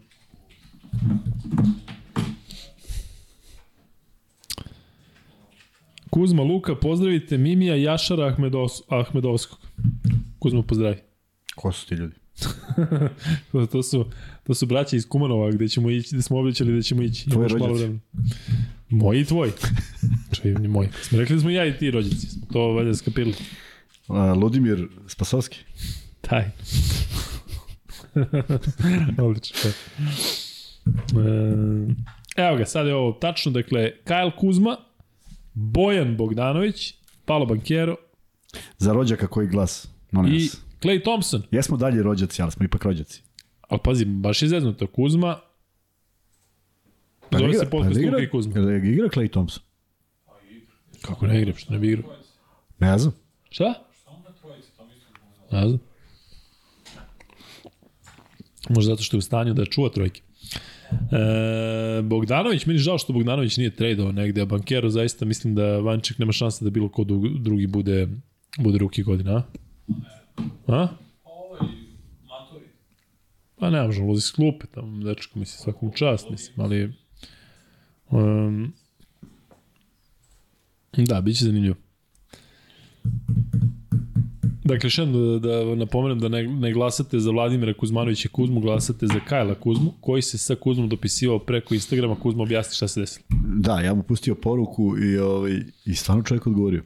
Ja pustio da nije prvi Kuzma, mada bio onaj Kusma, ali sam se pisao drugačije, onaj finac, šta je, letonac, Estonac. estonac, taj, iz Finske.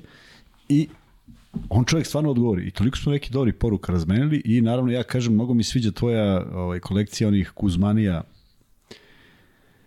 ovaj, kačketa i čuda i kažem kako mogu da dođem do toga, misleći sad će onda kaže, sad ću ti pošaljem Burazaru, a on kaže, javi se mom menadžu. Evo, rekao, sad ću. Daj mi broj, mi broj telefona. Tu te uglju To me za za srce, zašto šta sam ja sve uradio za njega i njegovu porodicu. Dobro to... da ti se nije, da ti se nije svidio njegov džemper, dobro da. Ja, lepo se nešto oblači, baš onako lepo.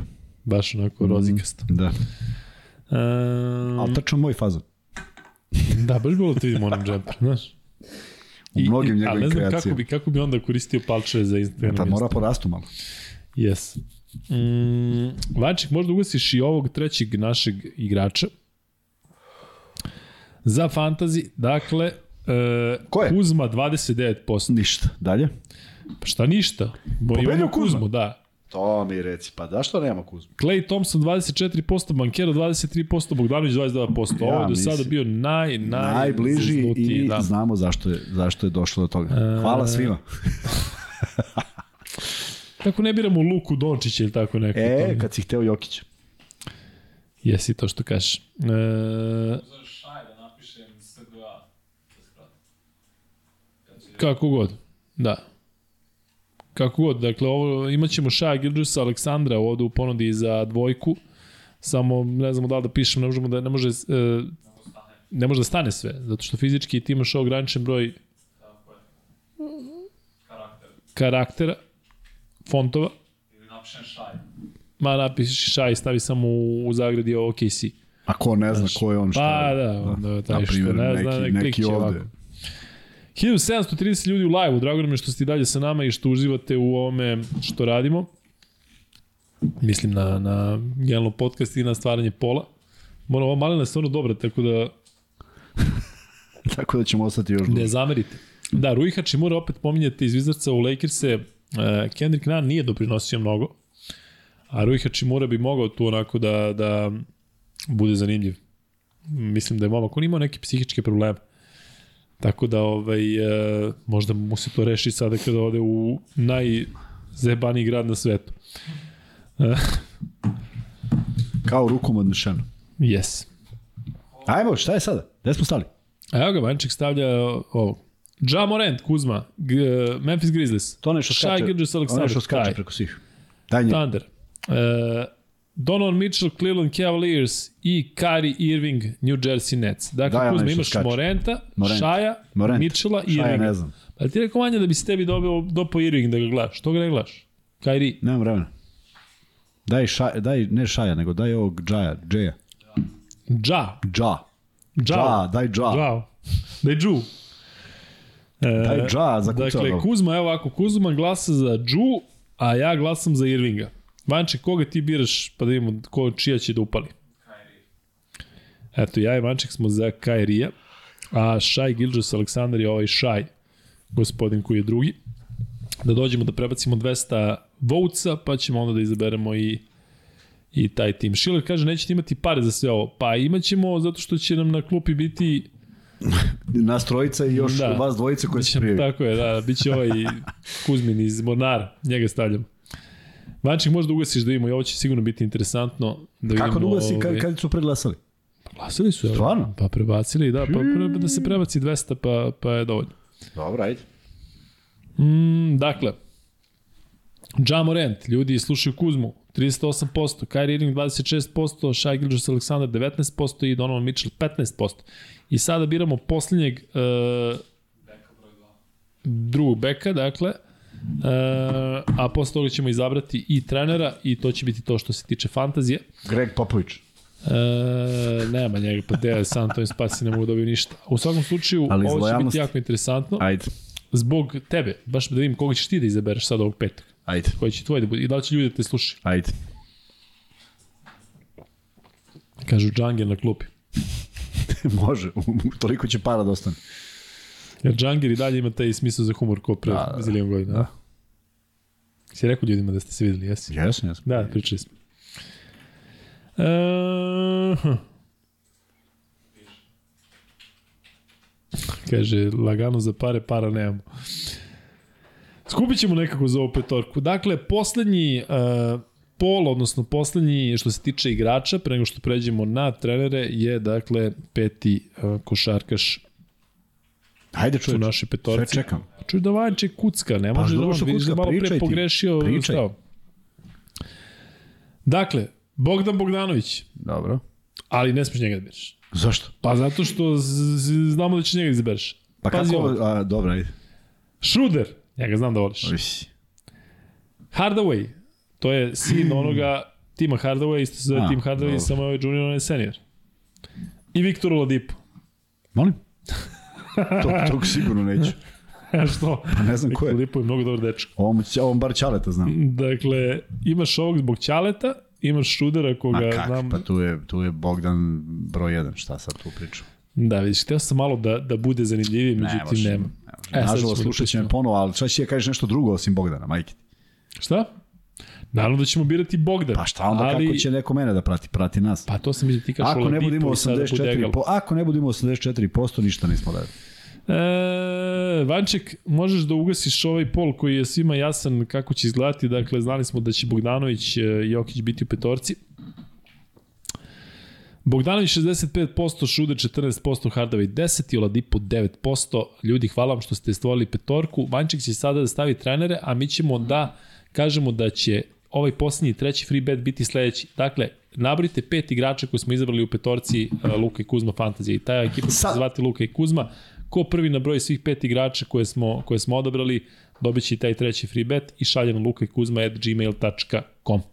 u ova malina radi, ba to mogu bi da radim još 3 sata podcasta. Sad će nešto popiješ. E, da, trebalo je ranije, negde, negde tamo gde si pričao o Tamišu. Kako se zove trener Tamiš? Jedim da te... Ne sam. Kako radiš? Si igrao protiv njega? Jovičić. Nisam igrao protiv njega. Jovičić. Mm, Da. Ne znam kako zove. Dakle, treći Bojan. free bet je da pogodite našu petorku koju smo zajedno izabrali. E, A koga ćemo za trenera? e, sad Jel će imamo da neke opcije? trener, sad će da stavi. A, Imamo, imamo. Kucka, kuckavanje. Dobro. Miloš Tubić kaže Bogdanović, Jokić, Kuzma, Morent i Šengun. Tako je Miloše. Dakle, e, to je naša petorka. Miloše, ja ne znam, nije mi poznato da li si slao ranije, ali ako nisi, ako jesi svejedno na luka i kuzma.gmail.com pošalješ max betov ID i bude ti uplaćeno 1000 dinara. Kuzma će time da se pozabavi, trebalo bi sutra ili preko sutra. Sutra, preko Sutra, sutra. Već sutra. E, dakle, biramo trenera. Kuzma, jesi spreman? Spreman. Malone Nuggets. Dobro. Jenkins Grizzlies. Dobro. E, Mazulja. Kako? se, pa... Tog ćemo, što ne znamo kako se zove. Iz Celtics, trener Celticsa. I Mike Brown, za koga ja navijem iz Kingsa. Pa ko dobro stoji, mora pobeđuje. Tako je, pa Nuggetsi pobeđuju, Grizzliesi pobeđuju, Celticsi pobeđuju i Kingsi pobeđuju. A svi pobeđuju. Da, ali imaju recimo različite, uh, različito su bodovani, kapiraš, treneri. Pa ćemo mi na račun sada, ako ima više bodova, recimo sigurno uh, Melon ima više, više. više od ovog uh, iz A Kingsa. onda će nam ostane nešto za rezerve. Onda će da nam ostane nešto Daj za da ne mora Džangi da Daj igra. Sacramento. Dakle, slažemo se za Sacramento. Kako da se oni će ne u jednom slažem? trenutku da padnu. Nego ja volim Ove druge ne znam da ponovim.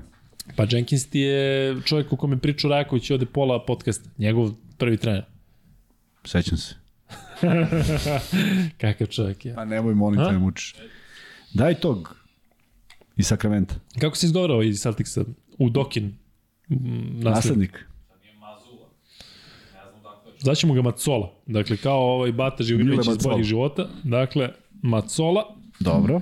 E, Macolu koji izabere Ma ide Daj, nek Melon, pa odsubscribe-uje. navijači će izabrati Melona, šta mi sad tu kao biramo ovoga. Naravno Ajde. neće da izabere, izabere Melona zato što evo apel. Nemojte birati Melona. Nemoj da utičeš na glasače. Kako da ne utičem, bre, čovjek, trener, Ne, ne. ti bi bio bolji ovo trener je pol, ovo je pol.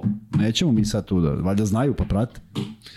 Jesi ti znaš da sam ja obećao da ću se ošišam na ćelovo ako Denver bude prvi na kraju regularnog dela Pa prvenstva? neće biti, nemoj uopšte se brineš. To mi reci, to volim.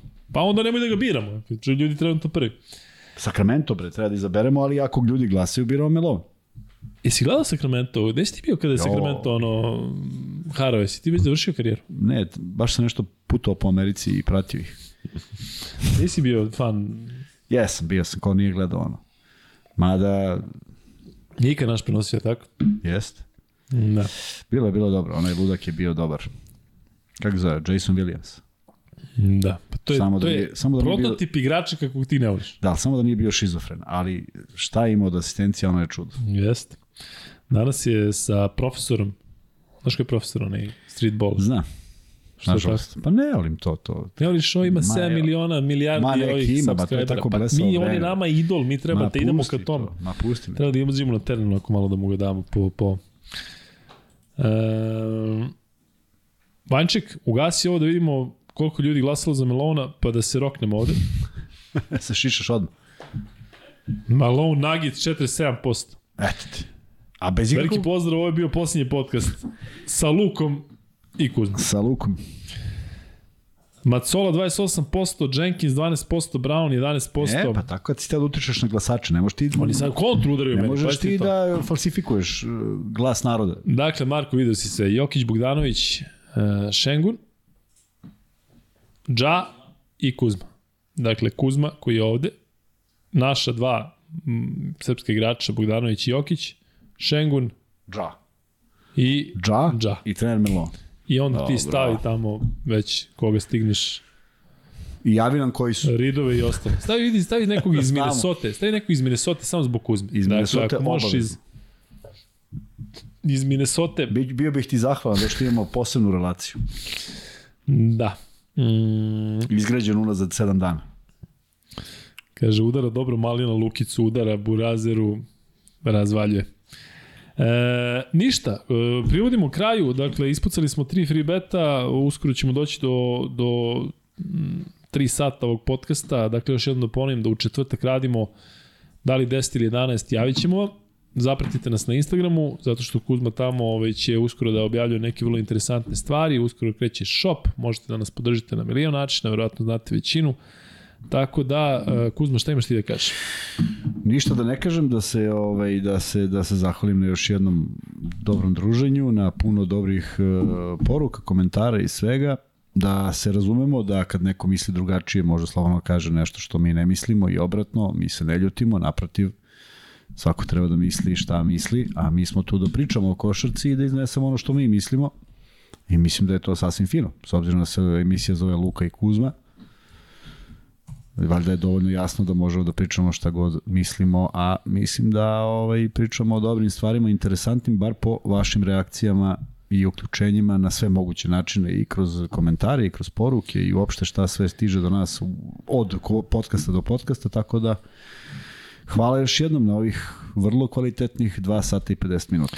Da, Vugrbić ovde kaže da izaberemo Noela iz Minnesota, e, mogo bi zaista Marko, eto Vugrbić je neko ko je s nama od početka, ko zaista prati NBA ligu, ja mu želim da, da, da ono što je već e, pominjao ovde, da možda i sam odredi neki podcast NBA-a, Dakle, Jalen Noel, eto, nek bude jedna od opcija za te izmene, ako nam se naravno ukalapa što se tiče bodova.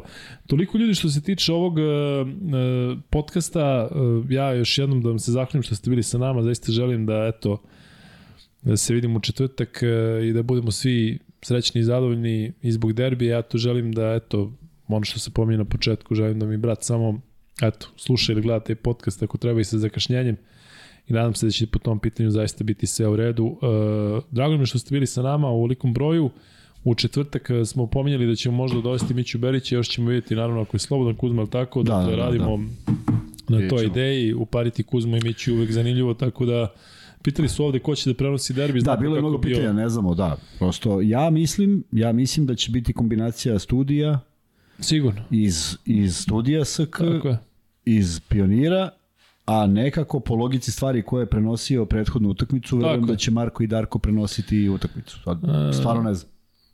Pa ja znam, tako je već na planu za, za, za pet. Ti znaš, tako, tako je na planu? Pa da, pa tako, da, pa to je Podrazumeva se, mislim, nekako je očekivano, ako je tako bila prva utakmica, bit će da, i druga. Da, nema razloga da bude druga, mi ćemo samo, tako samo ćemo obrnuti Marko i, i ovaj, uh, e, neko će biti u studiju, verovatno Ilija i Mića. Sigurno, da. A Darko i Marko u, u, u, u Pioniru, a verovatno, možda, u stvari ne znam, Darko i ja da radimo studio pre. Misliš da će tako biti, ja? Pa u, u, u areni su bili Mića i Marko. Jeste, pa se jeste, Darko da, da, priključio da, pa kasnije, a ili ja smo da, bili, da, da, da, ili ja smo bili u studiju, tako da eto, to je jedino. U svakom slučaju, dakle, 19 časova, petak, sport klub, ali mi ćemo taj meč najaviti u četvrtak. Do četvrtka želimo da budete zdravi, da budete dobro i vidimo se, dakle, tada. Veliki pozdrav.